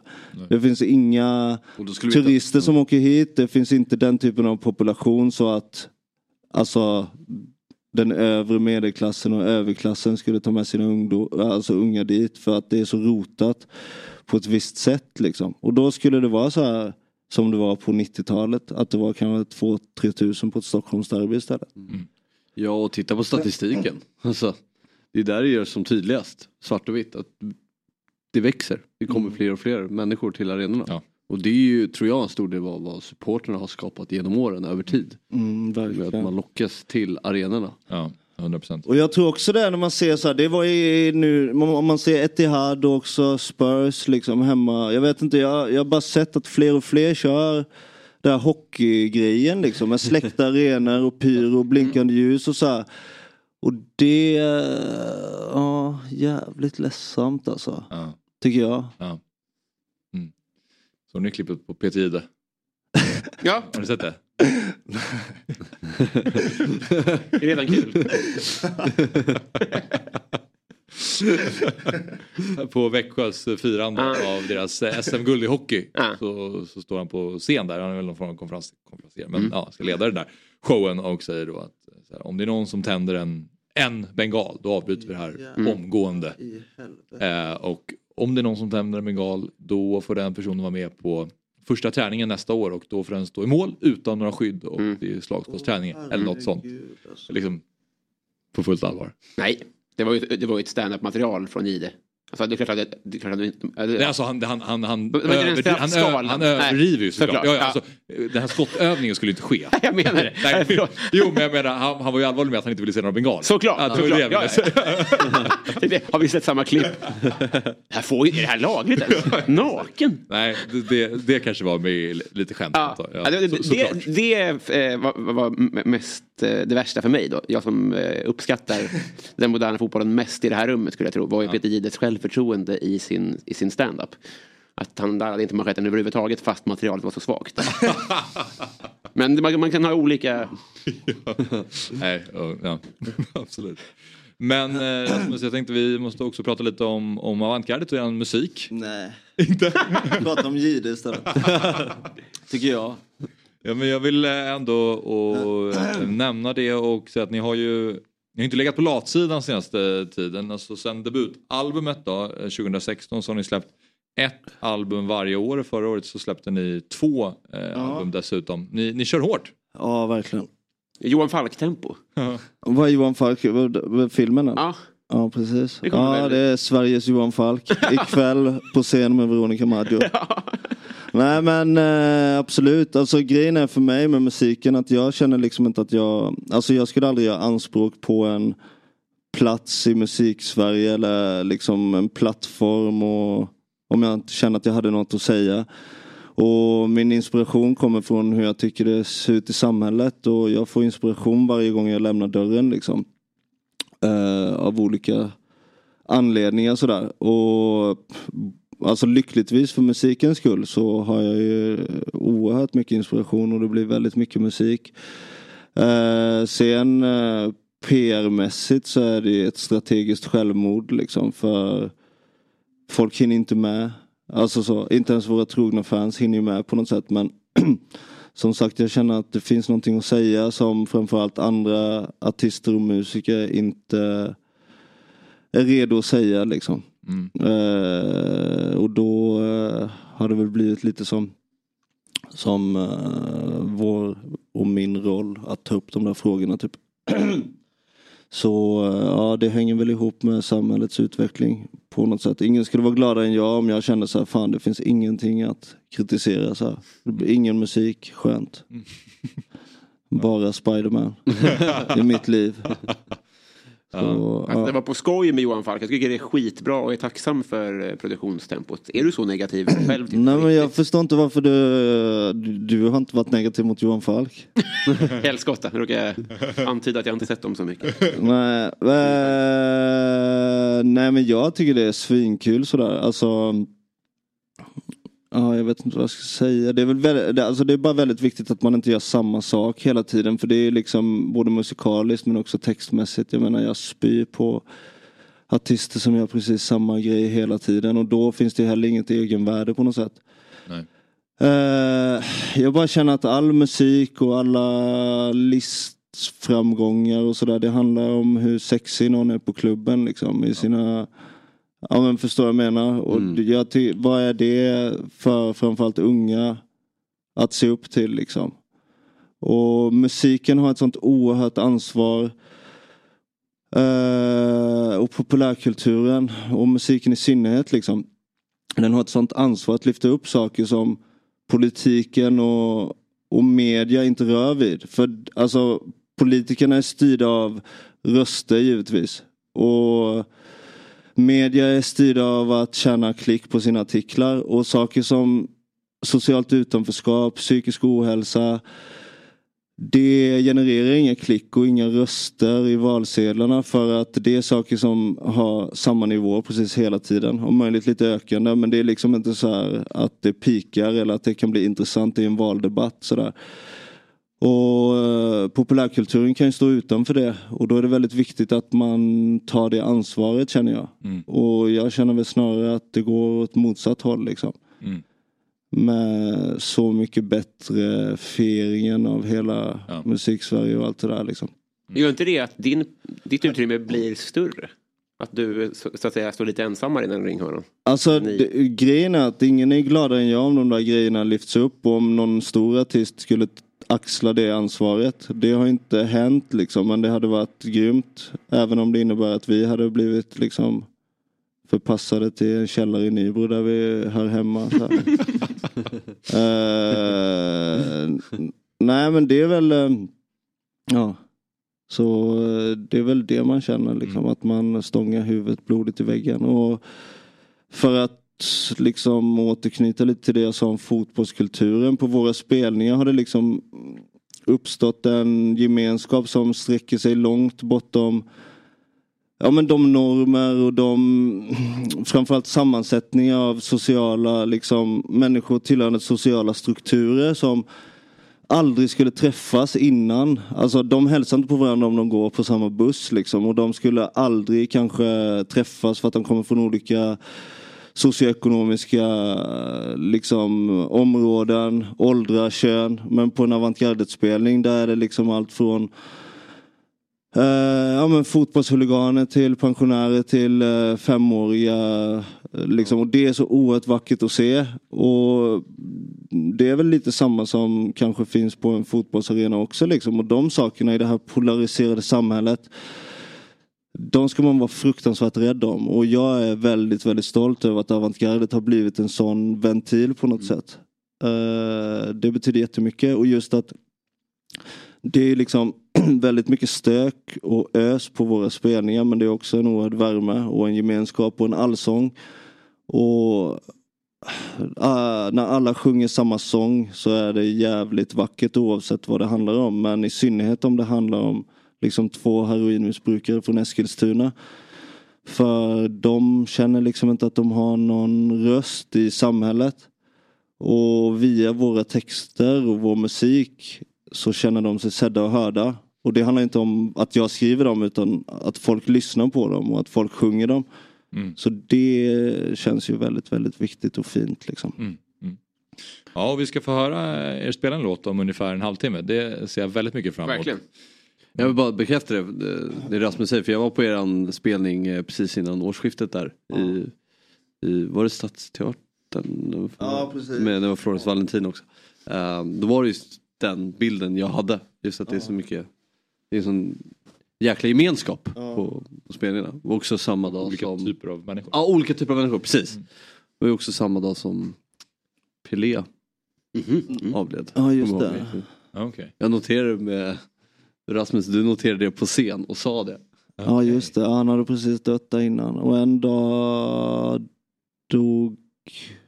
Jag kommer inte ihåg. Skitsamma. Men det är väldigt fint också på, på just Kulturhuset så kom de fram efteråt och tackade oss för att vi har så fina fans. Liksom. De bara, ah, De står i så fina köer och så. Och det, ja men det är konstigt för att du vet själva spelningarna det är så jävla ös liksom. Och sen så bara ändå alla sköter sig så fint. Liksom sista stället på, i samhället där det fungerar. Det är en avantgarde-spelning. Konstigt. Och det är tack vare fansen, inte tack vare oss. Absolut inte. Det låter som du lite grann. Eh, väldigt artig men också väldigt röjig. Ja, perfekt. ja. Drömmer 700 Fabbe. Fint. Ointresserad och positiv. Artig men röjig. Den nya Fan, vad skivan. bra. Ja. Peter Jihde och stand-up. Det är många liksom saker som kolliderar här inne. Ja, säga.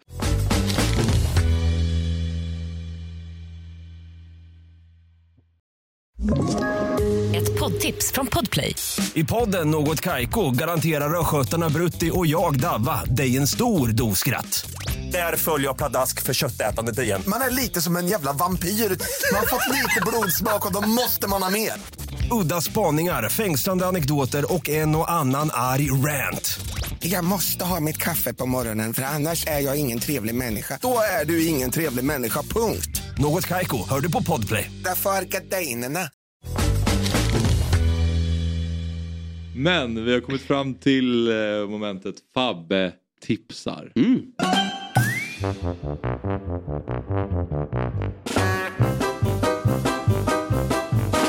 Fabbe tipsar. Som vi har varje fredag. och Fabbe har Ja, sin egen lista. exakt. Idag, det är också musik idag faktiskt. Är det det? Ja, det är spännande. musik. Och det är inte för att Rasmus är här utan eh, det här, eh, det här skulle vara egentligen till förra veckan men då var jag sjuk. Och eh, den är lite tillägnad till dig. För du ska ju göra en svensk klassiker i år. Och då vill jag hjälpa till lite här. Okej. Den är ju för andra också. Eh, som, som är ute och tränar. Nu när det är varmare, folk gillar att gå ut och motionera sig, springa och cykla och simma eller vad det är. Paddla kajak eller ja. Så då har jag, eh, kanske man inte ska ha mobil med ute i vattnet dock. Men eh, då har jag satt ihop en ehm, en Spotify-lista åt dig. Jag har dock inte själv Spotify men jag har satt ihop en lista till dig. Du har inte Spotify? Som du kan, äh, ja men skitsamma. Nej, Men äh, som du kan ha när du är ute och Ah, springer. Okej. Ja. Så jag har gjort en lista. Vad snällt. Väldigt fint. Vad snällt. Väldigt fint. Ja, och hur har du tänkt när du har lagt upp den här listan? Jag har eh, tänkt ganska brett. Jag har eh, försökt, eh, jag vill ju att du ska tycka om den. Eh, när du är ute och tränar. Så att du, du klarar det här. För det är, ändå, det, är, en- det är ändå en tuff utmaning du har gett in på. Så är det Så jag vill ju ändå att du ska verkligen lyssna på den här och omfamna den. Och, med, och att du tycker om den. Så att du kan, vill, vill lyssna på det och att det ger dig extra energi. Med lite inslag av eh, min typ av musik. Eh, Okej. Så jag vet inte om vi har den, om vi har en bild men uh, ja, där ser vi ju avantgardet. Före Stones alltså. Fabbes alternativa löplista. Så det här är eh, framförallt för löpning då, när man går ut och springer? Precis. Okej. Ja, det här ser inte dumt ut på det lilla jag ser. För. Tänk att dra baksidan till introt på Jumping Jack Flash. Ja, det, det är.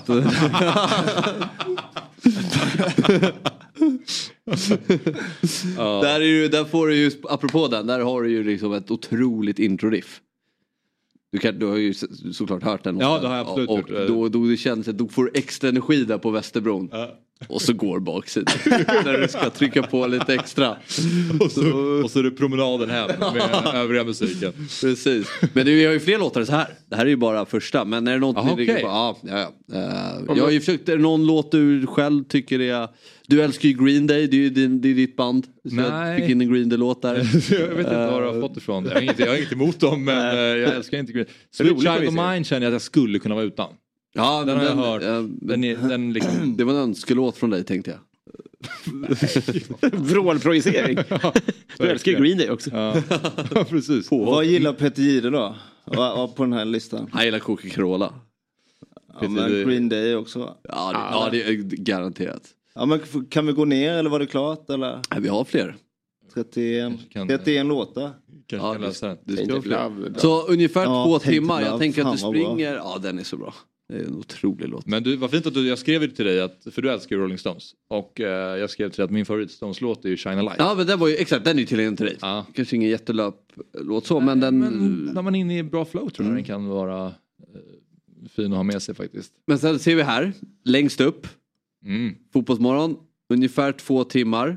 31 låtar. Jag tänker att du springer maraton.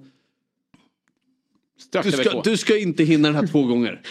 Aha. Jag tänkte väl. Det ska inte gå på repeat. Om du hade haft krav på förväntningar. Inte hinna lyssna klart innan du är. Ja men hur lång tid tar det då? Att springa? Ja. Ja du. Hur långt är ett eh, rep? Under fyra. Tänk, ha, ha den här då. Som, liksom. Det hade varit kul. Jag ska absolut jag lovar att jag ska lyssna på den när jag springer. Och så kan du liksom filma och dela och så kan du ge betyg över hur bra den är. Så Sen ska det vi sägas att på dela. Svenska klassiker då är det Lidingöloppet som ingår. Eh, det- Just li- det, det är men lite det ska kortare. maraton. Ja, det är inte oklart. maraton. Nej, det, det, Men, men eh, maran är ju då eh, 4,2-3 mil. Mm. Och ehm, Men vad, hur brukar du göra när du springer långt i den mån du gör det? Har du lurar i då? Det, det har ju Ja. inte Etiopierna, har ju sällan det till exempel. nej. Om du ska gå på deras skola liksom. Nej, det är sant. Jag brukar ha, eller här, jag, nu framstår jag som att jag är en form av löpare här. Jag har ju inte sprungit så många långa eh, distanser i mitt liv. En eller, eh, två mil har jag sprungit en gång. Mm. Annars har jag bara sprungit en mil. Så att min uppladdning om jag skulle springa maraton är inte heller optimal för jag måste komma igång i så fall. Mm. Men eh, då brukar jag musik. Just det. Det Vi har Isak Chemombo uh, har rekordet för Lidingöloppet, 1.33. En 33. Ja. Ja. Men eh, det är ju inte, Storbritannien Paul Evans 1.36. Okej. Det är Europa. Ja. Sverige, um, ja det är Musse då, heter han va? Ja, Mustafa det. Mohamed då, 1.37. Så där, där någonstans. Ja, okej. 1.40. Där, där någonstans ska Ja. Men då räcker det gott med två timmar. Du kan ta bort några låtar. Ja, men här, den här är ju inte bara... introtävling. Vi ska nämna, det här är inte bara till dig. Nej. Det här är ju till alla som tittar och lyssnar på det här. Att Jät- jättebra. Så- Superbra. Vi har, vi har lagt upp hela listan på Instagram. Ja. Eh, Så jag är man är ju nyfiken på, kan- kommer du ihåg några fler låtar som du hade med då? Utöver dessa? eh, Inte en annan. jo men... Eh, bland annat, eh, vad heter hon nu? Tröda- Klara och jag. Eh, Klara och jag. Mm. Eh, deras nya där, vad den heter. Uh, Eh, Baset och tårar, eller idag, kom, idag släppte de rock'n'roll. nej. Oh, jag, jag har ju faktiskt, jag fick upp den nu. ja. ja, men det är...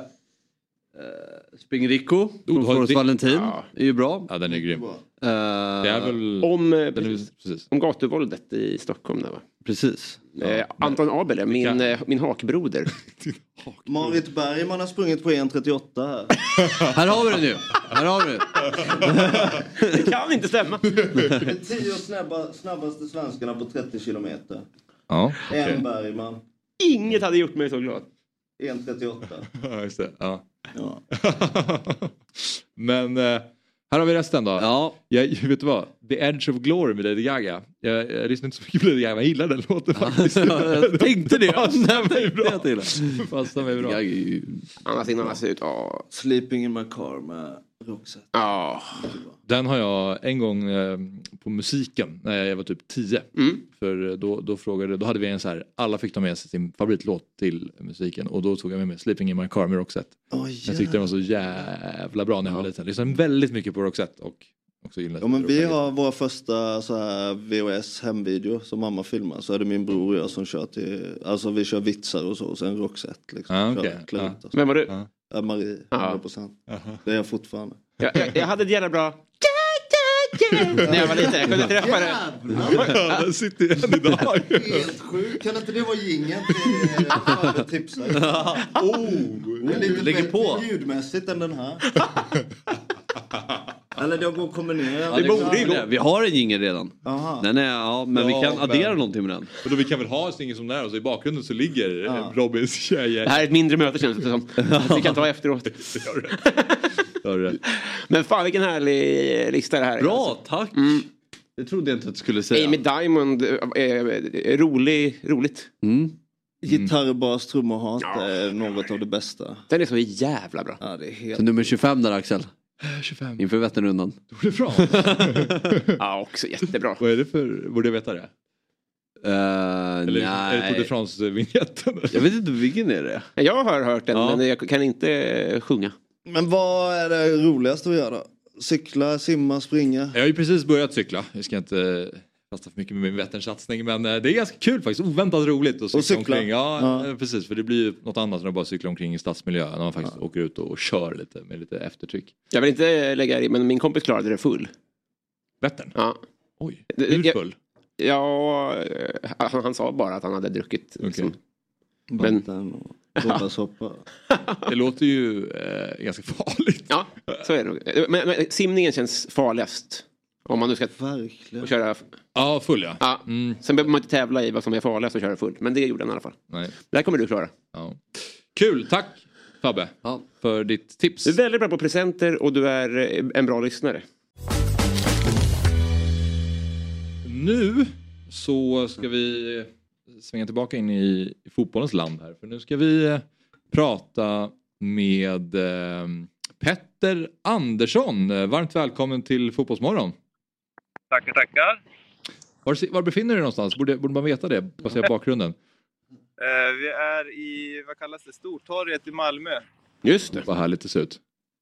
På besök snart. Aha. Här Av... min. Av eh, min gode vän Marcus. Då Härligt. Ja, vad härligt. Men du, ni eh, driver ju tillsammans eh, fotbollsagenturen Full Potential Agency. Um, kan bara börja, där Petter. Hur, liksom, beskriv uppstarten av, av agenturen. Ja, vi, vi, ni, får, ni får säga hej här då. Tjenare! Tjena! Tjena! Hur, Det här är... Fan, man är ju avundsjuk på det där vädret. Ja, fortsätt Petter. Eh, nej, men vi, eh, vi har drivit det sedan 2020, jag och Mackan. Eh, när han slutade så blev han agent, skulle bli agent och jag höll på med spelarutveckling. Och, och eh, sen dess har vi bara spunnit och eh, ja, byggt ett, ett, ett bolag, ett varumärke som vi vill stå bakom, som fokuserar på utveckling. Och så har vi då våra olika nischer. Mackan är agent, jag är mer riktad mot spelarutveckling och, och, och driva bolag och sånt. Så det funkar bra. Ja. Hur skulle ni beskriva det ytterligare om du, om du jämför Petter med andra eh, agenturer i fotbollsvärlden? Ah, alltså, det är klart, i vår värld så, så vill vi gärna göra saker på ett lite annorlunda sätt. Eh, vi har ju själva spelat fotboll så att man har ju lärt sig mycket, fått med sig mycket erfarenheter om livet som spelare, vad som funkar, vilka behov man hade. Eh, så där har vi verkligen försökt bygga upp en, en tydlig struktur internt, men också liksom bygga upp kunskap som är gynnsamt för våra klienter, men också för oss som bolag. Eh, men sen är vi, vi är ju olika som människor också, jag och Mackan här då. Vi är rätt, en viss kontrast mellan oss. Eh, Jag är från Nord, norr, Nordnorge, Nordnorge höll jag på att säga. Norra. Lite ödmjuk, tystlåten och Mackan han är ju malmöit. Med allt vad det innebär. Ja, vi måste ju välkomna dig ordentligt till Fotbollsmorgon, Marcus Rosenberg. Hur är läget eh, utanför fotbollsplanen? Jo men det är bra. Fint väder, blå himmel, men det är det alltid i Malmö så det är inte så konstigt. Men eh, ta hand om han här, han får komma ner lite och få lite fint väder ibland. Så att, eh, jag klagar på faktiskt. Ja. Hur mycket saknar du fotbollen, eh, Marcus? Eh, ja, den kommer man alltid sakna. Men sen med varje år som går så blir det den här realistiska chansen att eh, gå in och spela, den blir mindre och mindre. Så att eh, den, eh, den finns inte där längre. Så att eh, nu njuter jag mest, ja, såklart, när det väl är stora matcher och sånt så är det klart att man alltid kommer sakna det. Men det tror jag man gör om 30 år också.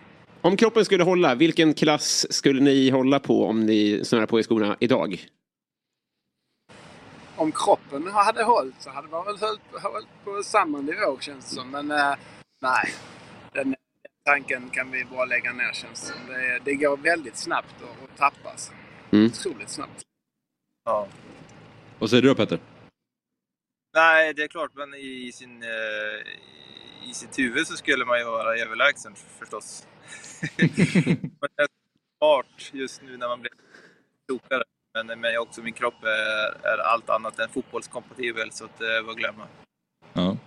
Men eh, Marcus, eh, beskriv lite livet som fotbollsagent då. Eh, tycker att det är kul till att börja med? Ja, det är superkul. Sen som Petter sa så har vi byggt lite annorlunda. Så att eh, vi har våra roller och vi jobbar extremt mycket med eh, trygghet och mentorskap och att de ska ta det rätta steget. Så det handlar inte bara om sälj, sälj, sälj som eh, agentyrket kanske har fått lite en, eh, en bild på. Så att, eh, nej, det finns många aspekter här som är jäkligt skoj. Så att man kommer nära grabbarna och kan vara där och hjälpa dem. Så att, eh, man lever liksom eh, det vi pratade om innan om fotbollen. Man lever nästan igenom dem istället när det är orealistiskt att man själv ska lira. Jag tänker, eh, ni som jobbar med spelarutveckling, vad, vad ingår i det? Vilka element ingår i, i spelarutvecklingsfasen och hur många jobbar med det? Ja, men vi har väl försökt göra så att alla vi har en, en fot in i det. Alltså dels som mentorer i och med att vi alla har spelat fotboll och varit på, på den, nivå, den nivån och gjort den resan som då många klienter som vi jobbar med vill göra. Eh, men sen är det ju kopplat till case to case, alltså vilka spelare det är, vad behoven är och vilken miljö de kanske själva spelar i. Vissa klubbar har rätt mycket mycket kunskap och resurser in-house, vilket gör att man kanske inte behöver stötta dem med så mycket saker. Vad på andra mindre klubbar inte har speciellt mycket stöd när det kommer till individuell feedback eller utvecklingsplaner eller mental coaching eller vad det än må vara. Eh, Så att de, det är väldigt, väldigt breda penseldrag, men alla är, jobbar väldigt aktivt med, med mentorskapet då, och, och verkligen försöker forma våra klienter till att förstå sin roll som fotbollsspelare, utbilda dem helt enkelt och hjälpa dem att liksom förebygga riskfaktorer som finns för, som kan vara negativt för utvecklingen. Hur många klienter har ni totalt idag?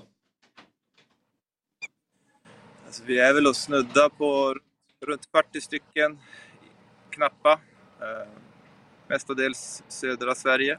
Eh, och var på en, en, jag har inte helt i huvudet då, men så att det Merparten är väl ändå etablerade, eller som eh, vuxna om man får säga så. Och så har vi ett gäng också i akademi, i akademierna eh, som spelar akademifotboll. Då. Mm. Men det har ju varit en rolig resa tycker jag då, specifikt att liksom se skillnader och liksom försöka hitta vår nisch.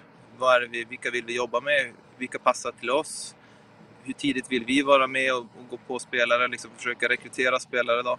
Eh, där finns det ju en, eh, ett ganska brett spektra av när man vill och ska och får framförallt eh, approacha spelare.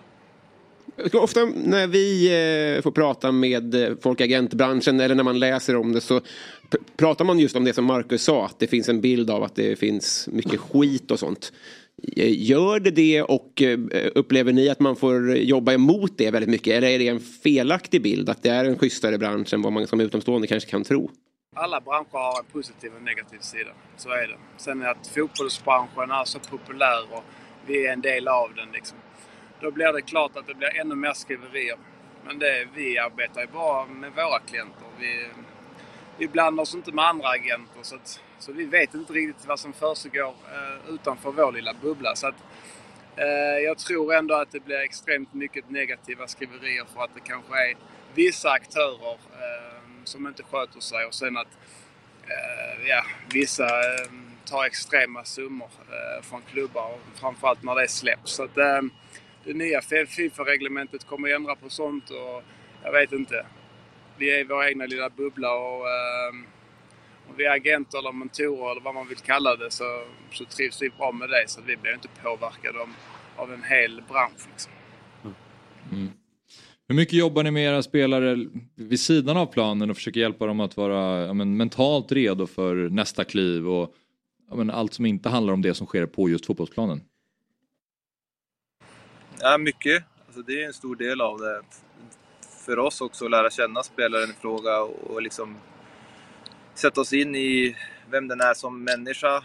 Och liksom för det där, där kände, märker man av ganska snabbt om den, är, om den känns och upplevs redo för att kunna ta ett, nytt kliv. Och sen så beroende på det då också då försöka liksom skräddarsy sen vad det klivet ska vara. Eh, till vilken typ av miljö borde passa den här människan bäst. Både mänskligt men också då sportsligt. Eh, så att som, det är där vi försöker och ska bli bäst. Det har vi satt upp internt att det, det är där vi ska vara bäst. På, på att verkligen utveckla spelare, människor. Eh, Men också liksom att utbilda dem. Alltså genom utbildningen så upplever man ju väldigt mycket att det skapar en stor trygghet hos dem. Alltså när man skapar kunskap själv, man kan prata med dem om ja men, fotbollsdata, allt som de får till sig genom andra medier också. Så kan vi förenkla och förtydliga den typen av saker som också liksom är gynnsamt då i, i den här mänskliga processen som, som vi tror så mycket på och som vi också har sett liksom effekterna av med många av våra klienter. Mm.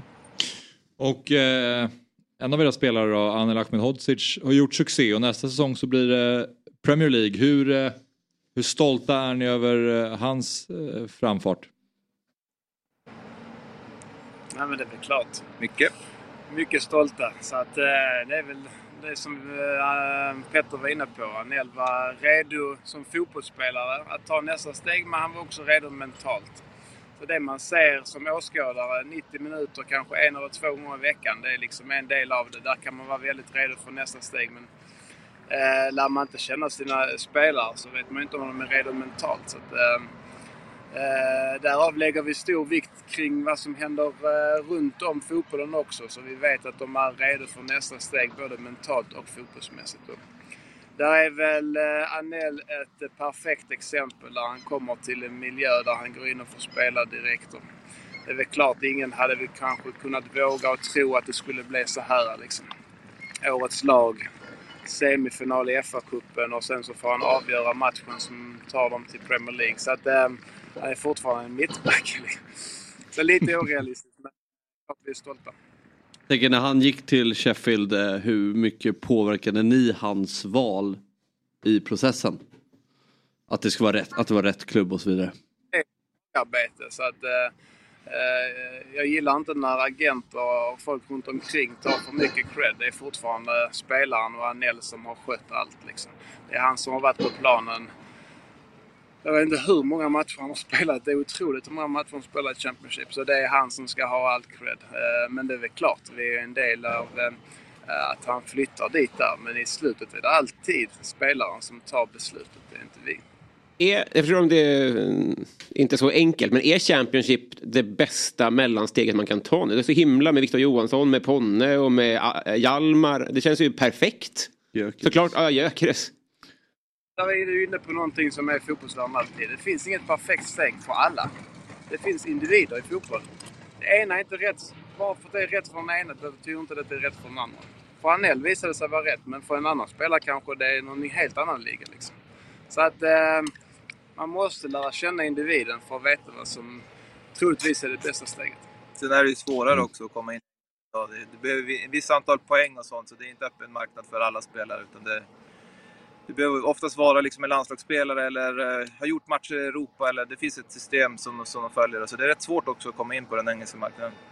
Jag tänker på den dialogen ni pratar om ni har med spelarna. Hur, hur, of, hur, åt, hur ofta har ni dialog med era spelare? Hur återkommande är det och hur känner ni på att växa och ta in fler klienter? Så att, alltså med tanke på hur många som arbetar för er och så vidare. Vad, eh, hur ofta har ni den här dialogen med spelarna och hur, hur sköter ni den dialogen? Nej, men vi har en ganska tydlig struktur kopplat till varje säsong, inte internt då, hur vi jobbar och vi sätter upp liksom en plan tillsammans med spelarna. Men sen är det ju som löpande med, alltså varje spelare har ju oftast mer kontakt med någon av oss, alltså någon mentor då. Sen är det mer upp till mentorn att följa upp och ha kontakt och stämma av. Om behoven finns där så gör man lite mer djupgående möten och, samtal omkring vad det än må vara. Men annars i de flesta fallen, önskebilden är ju att de de själva driver på, de spelar fotboll, de får vara i fred och sen så när de har behov av något så vet de att vi finns som en trygghet bakom dem och så eh, hör de av sig. Vilket fallet är i, i, många, i många fall. Då. Så den typen av, det är också deras ansvar att liksom känna av vad de, vad de har behov av för stunden och att, och att vi då kan bygga upp den tryggheten, att vi, de vet att vi har den kunskapen de behöver eller vad det än må vara så är det så det, men det funkar väldigt bra och det är den typen av saker som vi jobbar väldigt mycket med, att som hela tiden försöka effektivisera och förbättra eh, för att då kunna erbjuda samma typ av, av jobb för alla klienter. Era gamla klubbar möts ju på söndag. Malmö mot Hammarby i Allsvenskan. Um, Petter, hur mycket följer du Bayern idag? Nej, men jag följer dem ganska mycket då. Jag bor ju i söderort, har en son i Hammarbys akademi. eh, Så att det blir rätt naturligt. Jag hänger väldigt mycket på deras träningsanläggning och kollar fotboll. Så att jag har rätt bra koll. Och eh, samma fråga till dig då Marcus. Du känns ju som att du nyss spelade för Malmö visserligen men eh, eh, hur mycket följer du laget? Ja men det är klart. Det blir, blir ju mycket. Så att eh, det är ju ändå tre år sedan. Det känns som igår men det har ändå gått några år. Så att, eh, men det är väl naturligt. Jag är uppväxt och född där. Så att, eh, eh, det ligger mig varmt om hjärtat. När du ser Malmö idag under... under... Ja, förlåt Petter, fortsätt. Vad sa du? Säkert tvåa på söndag. Det är bra. Men, jo, när du ser eh, Malmö, Marcus, under Henrik Rydström med Vecka och AC och Hugo Larsson och Peña och alla möjliga begåvade fotbollsspelare. Känner du inte lite sugen på att då snöra på dig skorna och eh, spela igen? jo, det som jag sa innan, det kommer jag känna om 30 år också. Men det är väl klart, nu går man bara dit som åskådare så det, är, det är väl självklart att det är roligare att gå dit där i år. Det är en helt annan typ av fotboll. Det är, eh, senast mot Norrköping så var det ju matchen slut efter. Eh, den här typen av fotbollen eh, gör ju att man saknar det ännu mer. Finns det på ett sätt en dröm om att bli 20 år äldre så att steget blir längre från att vilja hoppa in? Alltså fattar du frågan? Man slipper den där våndan. Den har redan kommit dit. Liksom. Jag är eh, lika långt ifrån nu som jag är om 20 år känns som jag ska vara helt ärlig. Det känns helt omöjligt.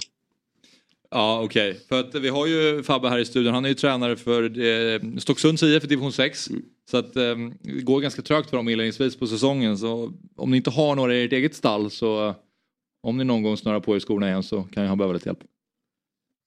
Ja, du får ringa Petter. Han har nära dit. ja, men jag, jag är ingen eh, förstärkning idag. Jag kan vara med och coacha och vara... Jag har ju tränarutbildning så att jag kan eh, stå vid sidan om och guida kanske. Vilken värvning. Ja, Snyggt jobbat. Otrolig värvning. Tack Axel. Ja, varsågod. Hörrni, eh, ni ska få eh, fortsätta med det ni ska syssla med idag då. Men eh, kul att prata med er och eh, lycka till framöver. Vi ska ta en eh, minipaus bara för att fixa med lite ljud så att det blir rätt ljudförutsättningar här inne. Mm. Sen- det vore första gången i så fall. Okej, hyfsat. Tjena! Så vi, vi tar eh, ett kort break så är vi alldeles strax tillbaka och då ska vi få höra Avantgardet spela sin låt Bengalerna. Ja, då är vi tillbaka och eh, jag ska bara sträcka mig efter mikrofonen här. Nu har vi fått in eh, Patrik och Mattias också från Avantgardet. Så att jag tänker att vi ska avsluta med eran låt Bengalerna. Ja, på skiva så är det stol med, instrumentet stol. Om någon vill spela stol så får ni göra det. Okej, Eh, det blir Fabbe. Ja. Ja. Så påminner jag också om att ni spelar ikväll på Avenue Arena. Ja. De som vill gå och se Avantgardet live, vilket jag verkligen rekommenderar. Så att, vi säger tack för idag. Fotbollsmorgon är tillbaka imorgon lördag igen. Då börjar vi klockan 10. Nu lyssnar vi på Avantgardet med Bengalerna.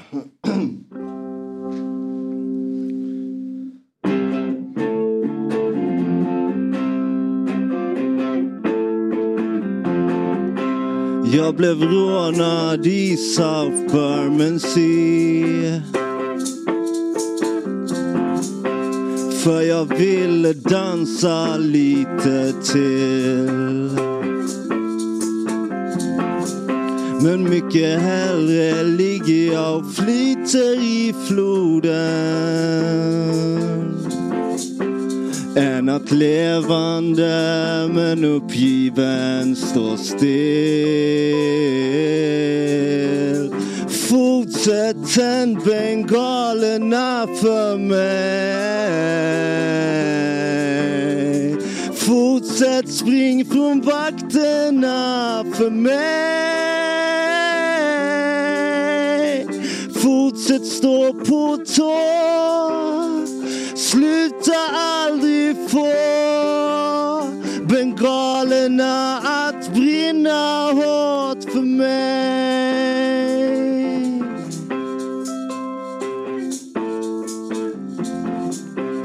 Jag blev tvingad naken ner på knä.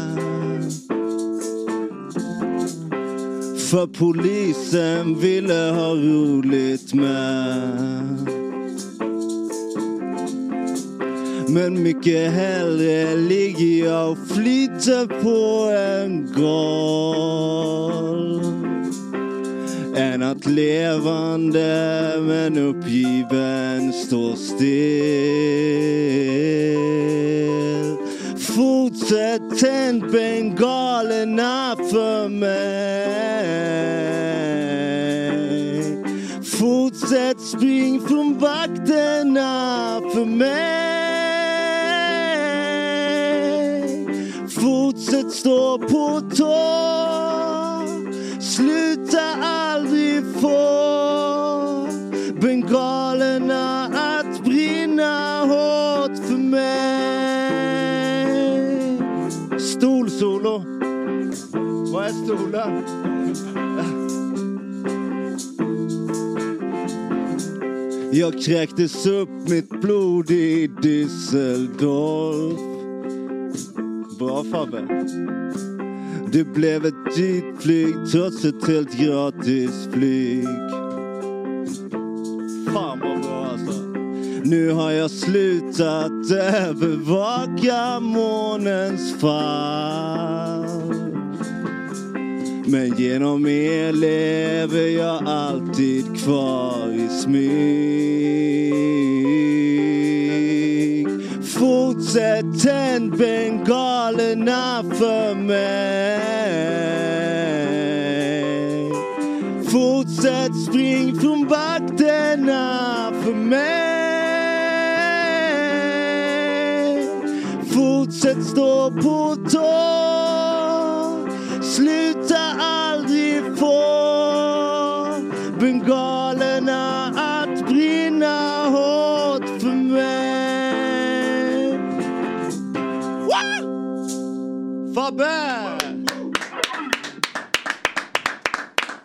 Måste ackreditera dig till spelningen ikväll. Fotbollsmorgon presenteras i samarbete med Oddset, betting online och i butik. Telia, samla sporten på ett ställe och få bättre pris.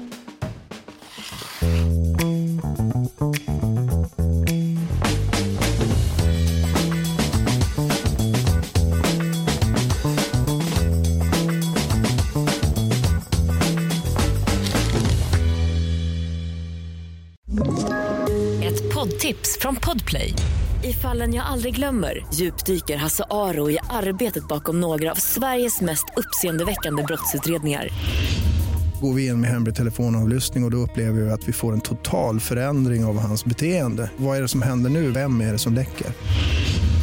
Och så säger han att jag är kriminell, jag har varit kriminell i hela mitt liv men att mörda ett barn, där går min gräns. Nya säsongen av Fallen jag aldrig glömmer på Podplay.